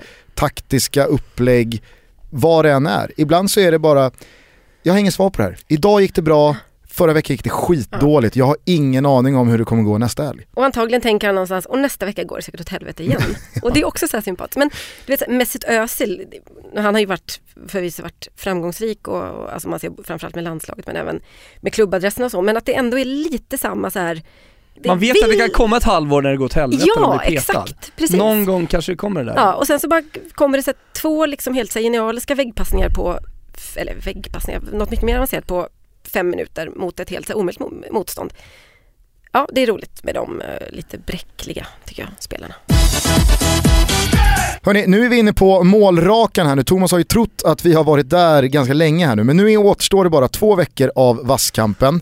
Eh, du har självförtroende. Ja, jag känner mig tunn. Alltså jag spelade fotboll igår, 90 minuter, ingen match men eh, det, var, det var träning och du vet, lätt i steget. Med boll, utan boll, var en av dem, det är ju visserligen veteranlaget, det är Rönninge så det är inga maskiner, fysiska fenomen på plan men, men jag känner mig som en av de mest lätta i alla fall på i veteranlaget i Rönninge. Någonting har hänt och många säger till mig, du ser, du ser fräsch ut. Ja, och det där någonting är ju såklart vasskampen som vi gör tillsammans med Fitness 24-7. Jag och Thomas har slitit på som djur tillsammans med Malin här nu i över en månad. Om två veckor så väger vi in oss och den som har gått ner flest kilon i vikt vinner. Det här är såklart bara en... Eh, eh, alltså det, det här är, Äran. Ja, det här är äran. Själva rörelsen Vasskampen handlar ju om att så många som möjligt ska börja träna och det kan man göra med fördel då hos Fitness 24-7. De bjuder på eh, en månad gratis ifall man Ja, tecknar ett abonnemang nu, där. Verkligen. Och dessutom så är man med och tävlar under hashtaggen Vasskampen. Ja, då kan man vinna ett års gratis träning och tre stycken PT-pass tillsammans med dem. Det finns länkar via våra sociala medier, ni kan följa vår resa via våra sociala medier och sen så är det som sagt bara börja träna. Fitness 24-7 är en kanonkedja att eh, joina. Ja det är det verkligen och som du sa PT-passen där också, bara mallan som är helt fantastisk och som får oss att komma i den här formen. Eh, det, det, det är bra, så in, hashtag vasskampen, enkelt, visa er träning och ta chansen nu innan sommaren kommer och gå ner ett par kilo. Innan vi går in på eh, alla lyssnarfrågor som vi så roligt har fått eh, skickade till oss så tänkte jag bara höra med dig. Det här har ju varit, i alla fall har jag upplevt det så, din första säsong eller år där ute i Europa på väldigt länge som har sett annorlunda ut gentemot tidigare år. Det känns som att det har varit mindre fotboll det här året. Ja, det har är det så varit. enkelt att Zlatan lämnade Paris och Ja. eh, det blev eh, lite andra arbetsuppgifter? Ja, alltså så är det ju såklart. För att det är klart att de två åren som jag var i Barcelona när han hade dratt därifrån, då var det ändå tillräckligt intressant för att göra väldigt många Barcelona hemmamatcher och, och var det inte det så kanske det var eh, du vet, derby i, Sevilla och sen så gjorde man lite Real, Atletico började liksom tagga igång där och så. Så att då var det, plus att Spanien är inte så intressant ur nyhetssynpunkt. Nu har liksom förmånen att bo i Paris där det är förmånen, där det händer jävligt mycket tråkigheter och liksom med terrorattacker och så vidare men det har också varit ett stort val. Det har du precis. jobbat mycket med. Mm, det har jag gjort. Och så. Nej men det, ja, det är ju för att eh, Zlatan har försvunnit. För tidigare så visste jag nästan att eh, varannan vecka så satt jag på Parc des Princes liksom och gjorde eh, matcherna. Och det var ju inte det var ju för att vi hade, för att chansen alltid fanns att man skulle kunna få upp snack med Zlatan efteråt liksom. Det är ändå det så här, det är fortfarande tror jag det viktigaste du kan dra hem på Aftonbladet eller Expressen liksom. Har du, och jag, efter, ofta var jag där ensam och så, så att um, det har blivit mindre, helt klart, av den var. Men jag har gjort kommer- mer internationell fotboll, eller internationell, jag har gjort mer eh, spansk och Champions League-fotboll i år.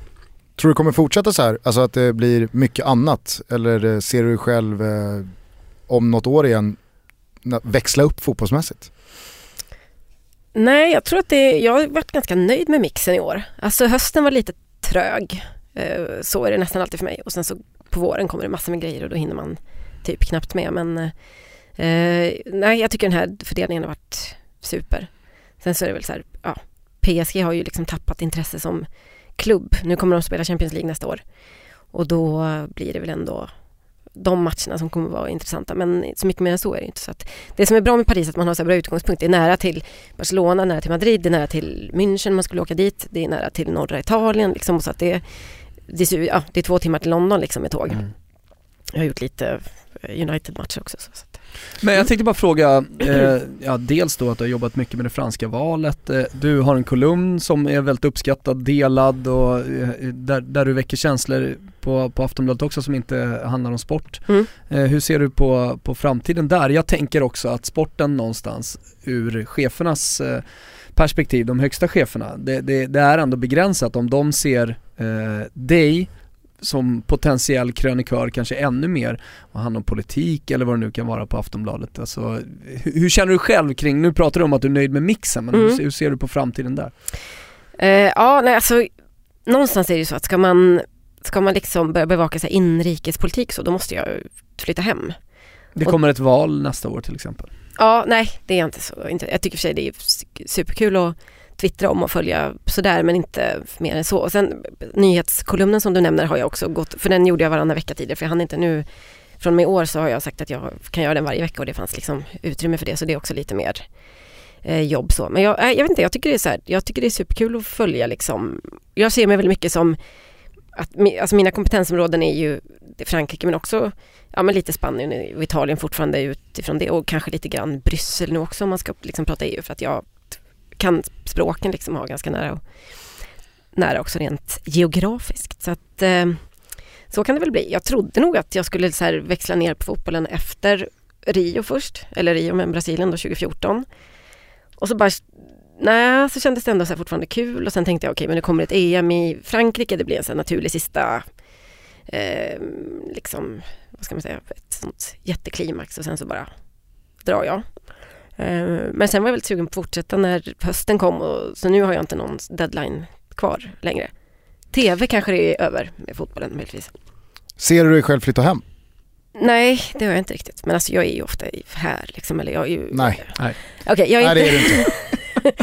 Jag är ju ofta, nej jag är kanske lite oftare till exempel i Västsverige då för att jag, mina föräldrar bor där och, och jag har släkt i Göteborg och sånt där. Men jag är ändå, jag tycker ändå att jag är eh, ganska, jag är, här, jag är till, tillräckligt ofta i Stockholm för att inte börja så här, sakna det i alla fall kan man säga. Eller i Sverige i alla fall. Du, jag har två frågor. Jag Mm. kanske eh, kan ställa dem i en och samma. Mm.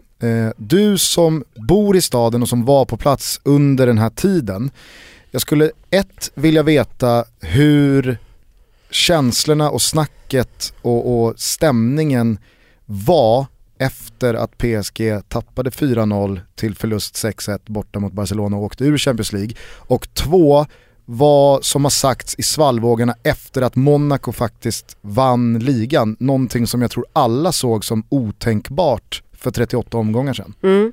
Alltså första mötet då med, eh, mot Barcelona när de vann med 4-0 var ju liksom helt så här, det var ju, det var ju total eufori i den mån det blir det liksom i Frankrike. De har ju lite, inom sportjournalistiken har de ett lite kyligare, liksom, eller lite mer distans till sina lag än, än vad kanske Barcelona-tidningarna har och så vidare. Eh, eller kanske Gazettan också liksom. Mm. Men eh, bland supporterna var det, jag menar jag är tillsammans med en eh, extremt hängiven PSG-supporter och det är ju bara så här, det var ju det största som hade hänt såklart. Det var ju det som hände sen är ju det mest, alltså det är det sjukaste jag varit med om. Jag satt ju där på Camp Nou och bara, det här hände inte liksom. Det här kan ju inte hända, men det kan inte hända. Och sen börjar man fatta efter ett tag, när det är så här, okej nu är det 30 sekunder kvar av den här matchen, Barcelona behöver ett mål. Fan de kommer ju sätta, jag, jag, det var nästan som att man stod där på plan och spelade för PSG av någon jävligt konstig anledning och kände så här, de kommer göra mål nu. Det spelar ingen roll vad fan vi gör, de kommer fan få in den för att det är så manus skrivet på något jävla vänster. Men det sjuka är ju att Cavani gör 3-1 ja, med 12 minuter kvar, då är det ju, det, det är ju över ja det är klart det är liksom. Okej om det hade blivit 4-0 Mm. och förlängning och Barca Men när löser Neymar, gör, när Neymar gör målet, Mm. då tror ju inte ens han själv på att det ska gå att vända. Alltså jag... Han gör ju det kän- 4-0 i 90 Ja exakt. Det kändes, Eller 4-1. ändå 4-1. lite, det kändes ändå lite dött i Barcelona efter att han har gjort det där målet. Mm. Alltså, Nej men jag upplevde det, som, jag vet inte, in. Det är eh, faktiskt en bra, alltså det är nog med på min den här jag var där-listan, vi pratade om den för upplevelser. Det var, och det var också det som någon sa efter att, jag trodde du skulle svara den. ja jag, varför tänkte jag inte på den? För att, eh, för att då, det var också som någon sa, någon PSG-supporter sa till mig att det är inte bara det att man själv kommer komma ihåg den här jävla matchen resten av livet. Den kommer alltid också vara en referensmatch när folk ska prata om ett fiasko. Det är typ som att den kommer alltid komma upp i alla sammanhang. Alltså folk som inte ens var där, kanske typ om man inte ens levde då så kommer den komma upp, som, man kommer bli påmind resten av livet i alla andra sammanhang när det ska, någon ska ta igen ett, liksom ett underläge eller så kommer det jämföras med den här jävla matchen liksom. Så att, eh, ja, det var Det kommer helt finnas sjukt. Leicester och Barcelona 6-1. Ja man kommer också bli irriterad. Ja, exakt, man kan också bli irriterad för det kommer, det, det kommer refereras till den här matchen och säga så här, jo men det går faktiskt. Mm. Kolla på Ja. Nej, men, vet man jag vet inte rätt mig om jag har fel, efter första matchen, då kändes det verkligen som att så länge det stod 3-0 så var det så här, vi slår Barcelona med 3-0, nu har vi skaffat oss jätteförutsättningar här, Mm, ingen trodde på det här, vi kan lösa avancemang Mm. mot Barcelona. mm, Fyran var avancemanget. mm. Det är klart det var. Det var liksom, ja. Ja. men, skillnaden på 3 och 4-0 är, vi behöver inte ens spela Nej. returen. Nej exakt. Det var ju till och med många som trodde på att eh, Barcelona skulle hämta upp Juventus eh, underläget. Mm. Det man, det man eh, dock ska ge Barca var att jag trodde inte de skulle hämta sig så bra efter det uttåget. De radade ju upp segrar Mm. efter eh, den här förlusten, men Monaco gjorde ju samma sak och höll undan. Vad upplevde du var det största fiaskot för PSG? Åka efter att ha 4-0 att gå på eller att Ja. förlora ligatiteln? Nej men alltså det är klart att det är två helt, jag menar det, det är klart att uttåget eller alltså förlora li, ligatiteln är ju sämre, alltså ekonomiskt är ju och imagemässigt, vad ska man säga, så är det så här, det är ju en titel som, eller det är ju liksom ett tomrum i raden av titlar. Skulle man, det, var, ju- det var inte så att, de var inte, det var inte så att någon förväntade sig att de skulle slå Barcelona, det var ju mest bara att med det utgångsläget och eh, med den fantastiska matchen som de gjorde för de gjorde också en jävla första match liksom. Ja. Det var ju inte så att Barcelona gjorde en superbra andra match. Det var ju, PSG var ju helt paralyserade liksom. Barcelona var okej, alltså Barcelona var ju mellan 3 och 4 plus alltså, i, på Aftonbladsskalan. Mm. Och, och PSG var ett minus liksom. Det var ju, det var, ja, det var helt sjukt. Eh, så att det var, mm, nej, det, det är en, den taggen sitter nog hårdare i, liksom, i supportrarnas bröst. Jag Men att kanske li- sminkade uttåget över lite den förlorade Ja. ligatiteln. Så var det nog. Så var det nog också. Sen ska man komma ihåg att det är inte så att de hatar inte, det här är inte två klubbar som hatar varandra. Jag menar, eh, hade det varit Marseille hade de ju, som hade tagit titeln så hade det liksom varit godnatt. Då hade man inte kunnat liksom, röra sig i en PSG-tröja.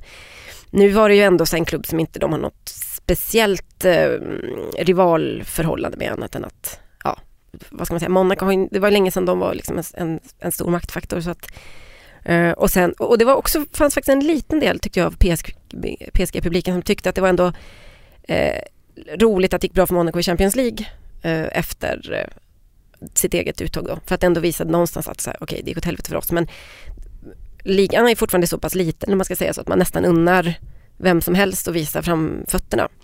Men eh, ja, nej, det var väl, det var ju också så att det var inte en chockförlust eller en chock chocktappad titel. Det, man märkte ju liksom på De tappar för vårkanten. mycket på hösten helt enkelt. Exakt, och så Kunde märkte man efter ett tag på vårkanten att Monaco kommer inte börja förlora liksom. Och de börjar inte spela oavgjort heller och ja, det var ju lite i deras händer någonstans. Så att eh, Barcelona-matchen var ju bara ett, det var ju bara 90 minuter så här, Det är rå trauma. ångest, exakt, precis. Det är faktiskt Pratar det. man om den i Paris eller är det så här, vi pratar inte om det?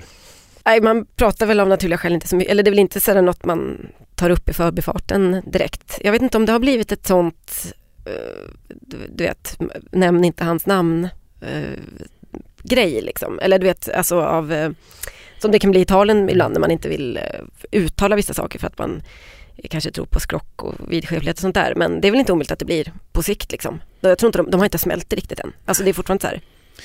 Eh, det snackas ju ganska mycket eh, Aubameyang och det är väl en, en, eh, en bra start eh, om man nu vill bygga vidare. Men tror du att PSG kommer ta det där sista klivet? Eller tror du eh, satsningen har nått något slags tak? Alltså jag älskar honom. Jag har haft med honom på min, eh, när vi pratade förut om lirare man gillar. Jag tycker han är så, ett sånt jävla praktexemplar till fotbollsspelare. Och det är, ja, ända sedan liksom första året PSG, jag tänkte så här, varför nyper de inte honom? Fy fan vad det hade varit bra liksom. Också, Milan släppte honom. Ja, nej men precis. Eh, och det var väl också så här, jaha okej, skulle han gå till Bundesliga? Det kändes, det kändes typ lite knappt. Fast det var väl ganska smart då, eller det var väl en, en jättebra liksom mellanstation eller vad man ska säga. Eh, han hade behövts för att liksom, för PSG saknar ju någon form av eh, glädje faktiskt. Alltså de saknar liksom någon som är både jävligt bra och en så här eh, glädjespridare eller någon, en positiv kraft helt enkelt. Det har varit för mycket liksom, jag menar Zlatan var ju inte en glädjespridare, han var ju mycket annat men han är ju någonstans mellan en, en, en liksom diktator och en vinstmaskin. Eh, och han hämmar ju folk lika mycket som han gör dem bra kanske, eller kanske egentligen lite mer. Eh, Aubameyang hade varit en perfekt eh, sån injektion, tror jag. Men tror de kom, kommer, tror de kommer vinna Champions League? Det, det är så jävla meningslöst att liksom spekulera. Ja, varför inte liksom? Ja, Ja, kanske jag, håller det. med, jag håller med lite grann så här. Ja, om allting faller på Ja, plats exakt. lite grann. De har ju uppenbarligen de ekonomiska resurserna Mm. för att eh, satsa sig vidare mot och det, det finns ju inga tecken på att de heller ska, ska sluta satsa. Nej, Eh, det var väl för... tvärtom, de nämns i, i eh, samband med de största namnen, Mm. eh, alltså den sportsliga satsningen fortsätter. Eh, om allting landar, tränaren sitter, gruppen, de får ihop Mm. det rent sportsligt, det är klart att de kan vinna. Men hade de vunnit Barcelona, ja de har Mm. varit i semifinal. Exakt. De har två matcher från en final. Så att, eh, Ja, men det tror jag Och kom också. ihåg, ingenting är omöjligt. Minns Ja. Barcelona, exakt. Nej men lite Exakt. grann är det väl så. Och jag, det är klart att de har, det, som du säger, de gjorde en dålig eh, transfersommar förra sommaren. Liksom. De värvar egentligen inga så här, riktiga super... Och, alltså, de gjorde jävligt mycket dåliga investeringar i, det var Gese och det var eh, Ben Arfa och det var liksom Kryskowiak och det var bara Ja, så här, han lyckades som inte alls. Nej, det är liksom en ingen som har gått in i favoritspelare till oss men det elvan. passade Mm. inte i PSG riktigt. Nej, exakt. Men det är klart att de kan göra det, men det är så himla... Det är mycket lättare att säga att det här är ett lag som snart kommer vinna ligan, för det avgörs under så lång tid och då Mm. slår ju verkligen eh, en bred och bra trupp slår ju oftast eh, liksom, motivation och du vet så här. Å andra sidan, ja, Monaco, Nice i år också för den delen. Liksom. Det, det, går ju, det går också att komma ganska långt på att bara vara ung och lite så naiv och inte fatta hur, alltså Mbappe liksom, det är också en, den här typen av spelare som inte riktigt, de förstår inte vad de håller på med. Alltså de förstår inte hur stort det är. Det är ingen som Thiago Silva är ju så här motexemplet till det. Han darrar ju för fan jämt när det liksom blir allvar. Och det är en fantastisk, jag menar han slår ju aldrig ett felpass annat än när det är typ, eh, ja men när de möter Tyskland i en VM-semi på hemmaplan. Eller eh, bangar, vågar inte ta en straff liksom i åttondel mot Chile. Eller gör alltså hundra fel i rad mot Barcelona på Camp Nou. Och det, ja honom är jag faktiskt lite besviken på om vi nu ska prata stora spelare som inte lyfter sig när det gäller. För att han, där hade de behövt, eh, de hade behövt någon med mer liksom skalle där tror jag helt enkelt. Dags för lite lyssnarfrågor. Vad tycker du om Balotelli till eh, Marseille som det ryktas om? Eh, man kan ju gilla det, det har pratats om Balotelli till Napoli och om man nu gör jämförelsen mellan städer lite slarvigt så kan man ju säga om eh, eh, det finns områden i Barcelona som är deras Södermalm så får väl Marseille då vara Frankrikes Napoli. Ja, det är jag så det- nära man kommer i alla fall. Jag tycker, det jag tycker, jag känner inte någon av städerna jätte, jätteväl men jag tycker att det är en väldigt bra jämförelse. Jag kan inte komma på liksom två städer som påminner mer om varandra faktiskt än, än just de här två. Ehm, betyder det att det är en bra adress för Balotelli? Ja, men Jag är inte Han är en sån riskfaktor. Jo, det är För den franska att ligan att Jo, Balotelli men kommer dit. givetvis, liksom, absolut. Och jag tror att eh, det här var väl så här, eh, Nice har ju också visat att de klarar sig utan honom. De, han, ett tag spelade han varannan match ungefär, han var avstängd och han var skadad och, och de löste det ändå liksom. Så att, eh, nej men det är, det är en riskfaktor att ta in Balotelli, stating the obvious. Eh, om man sätter två galna komponenter, en Balotelli och Marseille, kan det bli bra. Så det kan ju bli superbra men det kan ju också gå, det kan ju skita sig jävligt snabbt liksom. Mm. Men det hade varit kul. Då fyller jag på med några då. Mm. Yes! Geir, eh, då kan jag ta det här försök då på norska i och med att du förstår det. Mm. Hvis du bara kunde stilt Totti ett spörsmål, vad ville spörsmålet värt? Supernorska. Ja, den tyckte jag var satt som en smäck. Jag har ingen aning om vad jag sa. Akkurat. För alla som jag som inte förstår norska så tror jag att det här betyder om du bara kunde fråga Totti en fråga, Ja. vad hade du ställt för fråga? Gud vilken, alltså det är ju någonting med Totti som gör att man liksom inte riktigt, jag har legat på ganska många år där för att få en intervju och eh, det är mellan nej eller man får inte ens något svar. Och jag, så här, jag gillar tanken på att jag aldrig fått sitta ner med Totti, jag är så jävla rädd att jag skulle bli lite besviken liksom. Att man skulle få så här, en bild av honom som man inte ville ha. Jag tror att han, det är en rätt så genom bra person men det kanske, han kanske typ hade varit lite tråkig, kanske lite spånig för det är han ju antagligen liksom. Men eh, okej, om jag ändå nu hade suttit där och bara en fråga. Kanske ändå typ så här, om du hade varit tvungen att spela för en annan klubb, liksom, vilken hade det blivit då? Det är väl det någonstans man undrar. Eller om du var tvungen att välja en Ja, klubb men i ta- pistolen mot tinningen lite grann. Vilken annan Serie A-klubb hade du valt? Men eh, du, du låter lite tveksam här, jag tänkte veva in Erik Janssons fråga då. En intervju med en person som hon vill göra men aldrig har gjort. Finns det någon annan då som trumfar Totti där? Eh, Cantona har jag faktiskt också jagat eh, under, efter hans aktiva karriär och eh, aldrig fått jag kom typ till hans bror, gud vad sjukt. Jag är min syskonspåret, det är helt Jag känner alla syskon i hela. Jag kände inte honom men jag, han, han blev involverad, han hade någon form av presskontakt där för honom ett tag. Eh, och kom liksom inte riktigt in till och det, det hade väl varit roligt liksom. Eh, båda de kanske. Ja, alltså fra, fram till i höstas hade jag väl kanske sagt så här, sitta ner med Zlatan för jag hade aldrig riktigt gjort det, bara gjort det i grupp någon gång och sådär och stått och tuggat efter liksom matcher och så. Men nu gjorde jag det eh, i november då när han fick Guldbollen så att den är liksom checkad på listan. Hur var det? Det var eh, intressant. Det var faktiskt eh, det, var, det var bra. Nu är det ju också så här, Var, var, det, var det märkligt på något sätt med tanke på att ni har träffats så många gånger? Nej. I och med att det har varit eh, Zlatan, jag menar han vet ju vem du är och... nej. det var inte märkligt just av den anledningen att vi har träffats så många gånger. Ja. Det enda som var var ju att det var första gången han liksom kom med några så här mot, lite artiga motfrågor. Hur är det med dig? Jag bor kvar i Paris. Jaha, du skriver inte bara sport och lite sånt där. Han har ju konsekvent aldrig frågat mig något om mitt liv liksom. Vilket väl är ganska naturligt. Någon gång har man tänkt så här, gud vad konstigt att han inte ens här, har funderat lite på att jag har dykt upp i nästa stad och bara, då kanske man ändå så här, en mänsklig reaktion då, så här, "Jaha, bor du här också nu? Men jag, Verkligen en mänsklig ja, reaktion. exakt. Och jag hade aldrig fått Jag tror nog många fotbollsspelare hade nog ställt den Ja men det är klart frågan, trots allt. Ja, ja men absolut. Nej, men det, verkligen. Och, um, och jag hade aldrig, vi hade liksom aldrig fått, det har alltid varit en envägskommunikation kan man säga. Frågar han eh, vilket distrikt bor du i? Bor du i 16 Eh, ja, nej det gjorde han faktiskt Nej. inte. Eh, Sluta ring min brorsa. Precis. Sluta ring mina anställda och liksom dra i trådar och luska om min framtid. Nej men det var en bra, det var en bra intervju. Det var en, en dryg halvtimme som vi satt ner. Men det var ju, man kan ändå inte, det var en sån, em, det är ju omständigheten är att han har vunnit pris liksom. Så även om man skulle vilja bara så här dra en jävla massa grejer genom, som har varit genom åren och bara så här, berätta om det här och det här. Så blir det inte riktigt läge för det. Är många intressen också. Så här, de, här, de här frågorna ska in. Mm. Det här måste man, vi måste ha en bild när vi lämnar över priset. Eh, han hade slutat landslaget, det, det fanns så jävla mycket att prata om Mm. så det var ingen, det gick Aktuella inte. saker. i- Exakt, det var ju ett sånt år när han hade så här, bytt klubb, hoppat, slutat landslaget och spelat ett EM så att det fanns inte så här läge att gå in på, Du, Gammalt när du gruff, kom till liksom. Juventus Nej. där, Luciano Moggi, jag tänkte, nej exakt. det Men inte. det är väl en superbra fråga.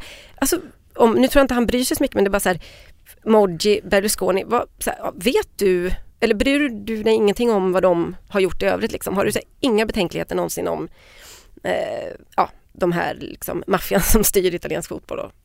Det har han ju säkert inte men det hade kanske varit kul. Han pratar ju alltid, han refererar ju alltid till titlarna som 33, alltså han, de här två som Juventus vann under. Det hade ju varit väldigt kul att se uppslaget i Sportbladet. Johannas tvåsidor tar bara slut med tre spalter kvar. För att Mm. här gick jag in på känsliga saker som Zlatan stormade bara ut och lämnade Så intervjun. lämnar det- man det Exakt. tomt. Grejen att alla gånger jag har ställt frågor som inte han har gillat i mixad zon, då har han ju gått liksom. Och det är inte jättedramatiskt, det har många varit med om som har även efter landslaget så, så att, eller efter landskamper. Så att det gör han ju liksom ofta om han inte är eh, nöjd. Så ibland, för ibland är folk så bara, varför frågar inte det här och det här? Ja men det går inte liksom. Han har ju alltid makten att gå därifrån och det gör han ganska ofta. Jonte, han undrar om det finns någon konstigaste intervju eller konstigaste spelare du har stött på genom dina år?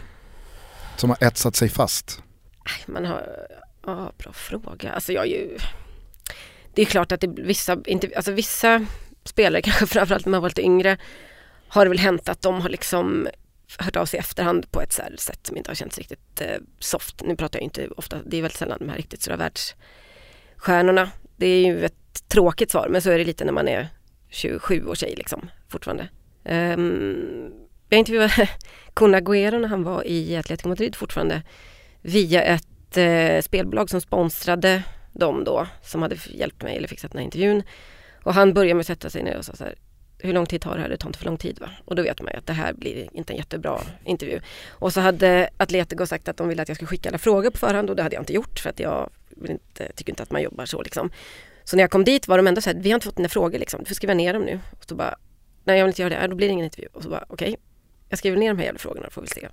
Och då stryker de ju var tredje liksom. Fick inte fråga något om Maradona, fick inte fråga, alltså. Så det var ju, det blev, det var ju en dålig intervju liksom. Men ingen så här, där du har känt själv, vad fan är det här för jävla lirare alltså? Men det måste ju, måste jag ju ha gjort någon gång.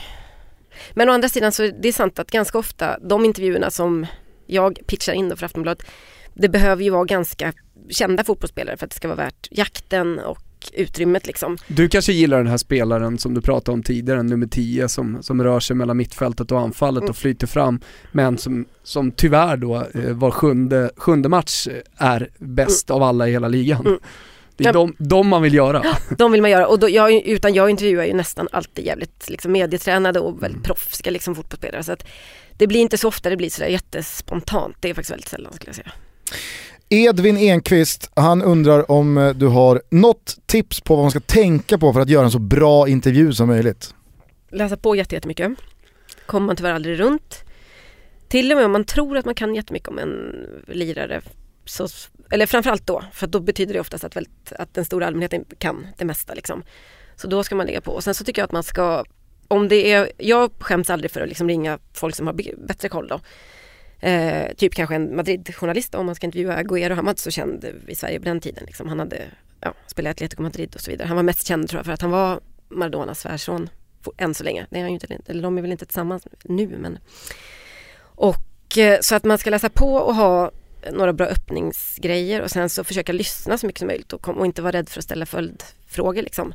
Sen om man ska ställa känsliga frågor, vilket man gör ibland, så brukar jag ta till ett ganska enkelt knep men som är väldigt effektivt och det är att inte säga inte ställa frågan utifrån att jag undrar utan, eller att jag ställer dig mot väggen utan vad vill du säga till alla de som tycker att, jag tror att det var så jag sa till Zlatan nu när vi satt ner det här frågan om hans ehm, eh, den här eh, Volvo-reklamen att han liksom sålde ut sitt landslagsslut lite grann där i, ni vet den här reklamfilmen ja, han hängde ja.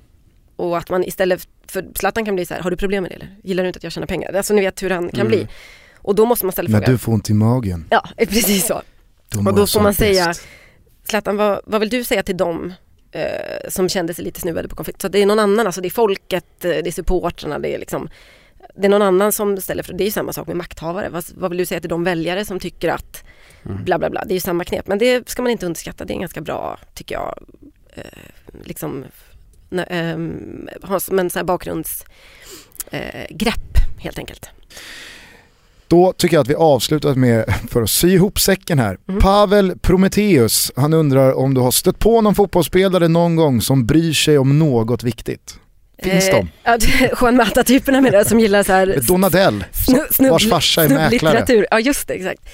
Eh, nej men jag, jag har lite svårt, jag tycker inte om det här att man i den här idén om att man ser ner lite på fotbollsspelare för att man tycker att de är dumma så finns det liksom ett litet så här, människoförakt tycker jag, eller lite klassförakt kanske man skulle kunna säga. Så det här är oftast jävligt, eh, människor från jävligt enkla eh, omständigheter som har liksom tjänat massor med pengar och hela livet har ställt liksom på ända och de lever i en bubbla liksom. Eh, det betyder inte att de är mindre människor än vad vi är liksom. Det är bara att de har inte riktigt eh, kanske redskap att göra alla analyser och det hade väl varit jättekonstigt om de skulle sitta och liksom diskutera så här, världsläget och alla de där grejerna. Så jag, är inte, jag är inte en sucker för de spelarna som är extra engagerade för det betyder oftast bara att de kommer från typ en så här, medelklassfamilj där utbildning var viktigt liksom. Och det tycker jag, jag, man ska inte riktigt döma folk på det. Däremot märker man ju vissa som är så här, eh, trevliga mot medmän sina medmänniskor, mot lagkamrater, mot journalister och vissa, vissa som inte är det. Eh, och här har jag tagit upp Thierry Henry massor med gånger, det brukar folk påpeka, jag sa det vid något tillfälle. Eh, han är en sån spelare som jag bara känt är så generellt otrevlig mot journalister liksom. Är han det? Ja, framförallt franska journalister. Eh, när han var i Barcelona, det var ganska många fransmän då som följde honom bland annat och, och hela klubben. Och att han var alltid dryg mot dem liksom. Och det var inte så att han hade någon speciellt han satt lite på bänken sista året då när Zlatan kom och, och sen försvann han. Men det var inte liksom, eh, det var inte så att han var utsatt för några liksom drev eller något sånt där, men han var bara dryg liksom. Mm. Eh, sen har jag stött på honom med andra, nu är han ju expert. Och jag har träffat honom någon gång eh, när jag har liksom varit expert också, då kan han vara supertrevlig men då är det också så här, det, passar bra när man är kollegor liksom. Jag tycker mm. att det är så att eh, för att återgå till frågan, har jag träffat någon spelare som bryr sig om något viktigt? Var det det som var? Ja. Eh, så nej. Exakt. Jo, det är klart det finns det, men det finns ju, men de är ju oftast det är ganska känt. Det är ju de som vi pratar om då, som håller på med välgörenhet eller kanske, det är, jag menar, det är ju en del som utbildar sig vid sidan av, ni vet de här Vincent Company och det, Vincent Company och Company så att säga. Mm. Eh, det är ju roligt för att det bryter av lite grann, men oftast betyder det ju bara att de är, kommer från en bakgrund där man värdesätter sånt och det är väl så här trevligt. Rimligt. Ja, också. exakt. Jag hoppas att eh, alla har haft lika trevligt som du och jag Thomas eh, under den här stunden tillsammans med Johanna. Stort tack för att du kom och gästade oss. Tack för att jag fick komma. Tack så Vill mycket. man eh, följa dig, ja men det, det, hinner du säga snart. Jag kommer mm. ge dig utrymme att fylla på med ett grattis till. Så. Vill man följa dig och konsumera dig så skulle jag puffa för Köp Twitter och Aftonbladet. Finns det några fler kanaler du vill sälja in? Nej, det är väl bra. Con mm. Consume me. Exakt. Eh, och sen så eh, hoppas jag att eh, alla som inte fick svar på sina lyssnarfrågor kanske får det då via Johanna på Twitter. Jag ska göra ett ärligt försök. Hör av er om eh, det är någonting. Vi finns på Twitter och Instagram och framförallt på mail totobalotto.gmail.com. Gör också som Johanna snart ska göra, ta på er era toto-tischer och sprid vårt budskap genom eh, bomullsfabrikat i sommar. Eh, det finns några få kvar borta hos grandfrank.com så att eh, in och klipp dem innan de är slut för all jävla framtid. Gör också så att ni eh, ryggar våran sista eh, specialtoto-trippel till helgen, eller hur Thomas? Vi ska till Polen eh, med 22 stycken och eh, det är sista chansen då att få haka med oss. Vi åker den 15 från Malmö. Man, man ryggar den här och det vet ni om, hashtag tototrippen, så, så, är man, så är man med. Sista chansen och det är ganska många platser nu va? Mm, verkligen, det är fem stycken vinnare som får ta med sig varsin kompis. Man hittar den här trippen på Betsson.com under godbitar och boostade odds. Insatsen är 148 kronor. Ni screenshotar den och hashtaggar in den podden så är ni med i snurran. Jalla! Nu ska Johanna alldeles strax gå på AV med Aftonbladet. Eh, förmodligen har en jävligt skön sommar också, eller förhoppningsvis. Absolut, Men innan dess mm. så ska du få önska en avslutslåt. Just det. Ja okej, okay. det är ju ett, det är ju det svåraste av allt. Såklart. För att eh, det går inte att välja, det går inte att välja en låt. Ja, skulle ni kunna göra det? Har ni ställts inför detta liksom? Jag har ju inga problem för jag har ju bara en låt. okay, det är Redemption Songs med Bob Marley. Ah, Okej, okay, ja. Ja det är en fin bit. Jag tänkte... Var fjärde avsnitt vill Thomas avsluta med Redemption Songs. Om du hade hört av dig så hade jag kunnat önska det nu så hade du fått den ändå. Eh, ja, nej jag vet inte. Jag eh, tänkte lite fram och tillbaks. Man vill ha någon form av eh, gitarriff i ryggen. Och eftersom jag ändå är en 40-talistman i en 35-årig kvinnas kropp så valde jag All along the Watchtower med Jimi Hendrix. Snyggt! Det är en riktig jävla superdänga. Har du hört Dave Matthews Bands version? Har jag nog gjort någon gång ja. Mm. Den är nästan lika bra. Ja, det vet jag inte. Eh, men det är väl en kanonlåt att eh, gå ut på. Tack till alla igen som röstade fram oss till vinsten i Guldskölden, betyder oerhört mycket. Jag sa det till Björn Jonsson i en segerintervju, det här känns som eh, liksom punkten på våran eh, comeback, återtåget. Eller vad säger du? Ja, det känns jättebra. Det är jättekul att folk tycker om att lyssna, det är fantastiskt. Också kul att göra de här gästavsnitten och tack så mycket till Johanna som kom. Hoppas att vi någon gång kan synas på en arena också. Ja. Vi får se om jag Det är du utskickad. som måste växla upp eh, Wilbacher, det är du som måste komma ut i Europa så att där har du ett bra incitament. Mm. Det, så, det, det är budskapet till Expressen. Jag tänkte säga det, hur, hur, bra funkar det på Expressen? Jag vill göra så här, eh, Barcelona på plats, jag vill springa på Johanna Frändén. Kan det vara så här, kan det vara droppen De som får kanske ser bara... det som en möjlighet då kanske att värva över dig till Expressen. Ja, det är, då får du ta jävligt mycket extra betalt om du, du ska ha det. Kan inte du, för att reta Thomas maximalt, kan inte du ansöka om ack till Atalanta första omgången i Serie A i, i, i höst? Uh, ja, kanske ska göra det då. Och bara liksom uh, fota av mejlet. Självklart den. Johanna. Mm. Välkommen, välkommen. välkommen till Bergamo. Non Då- c'è problema. Ja, det vore väldigt roligt. Eh, vill du göra oss den äran att eh, avsluta avsnittet med ett Ciao Tutti här nu när eh, Jimi Hendrix eh, har eh, klampat igång? Absolut. Jag ska bara säga det alltså. Ja. Ciao tutti! Ciao tutti! Ciao Tutti!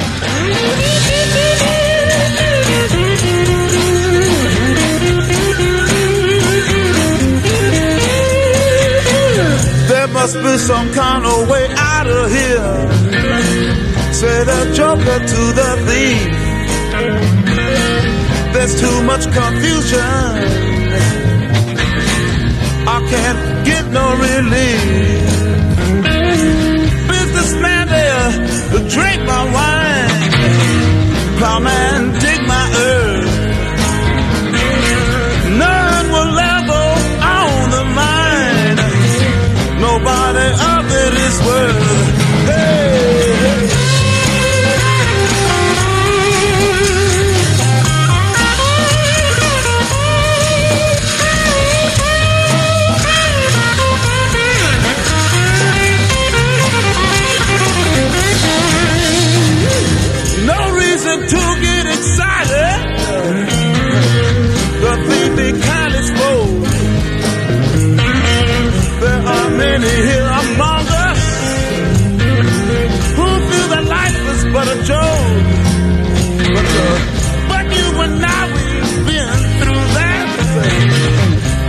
is not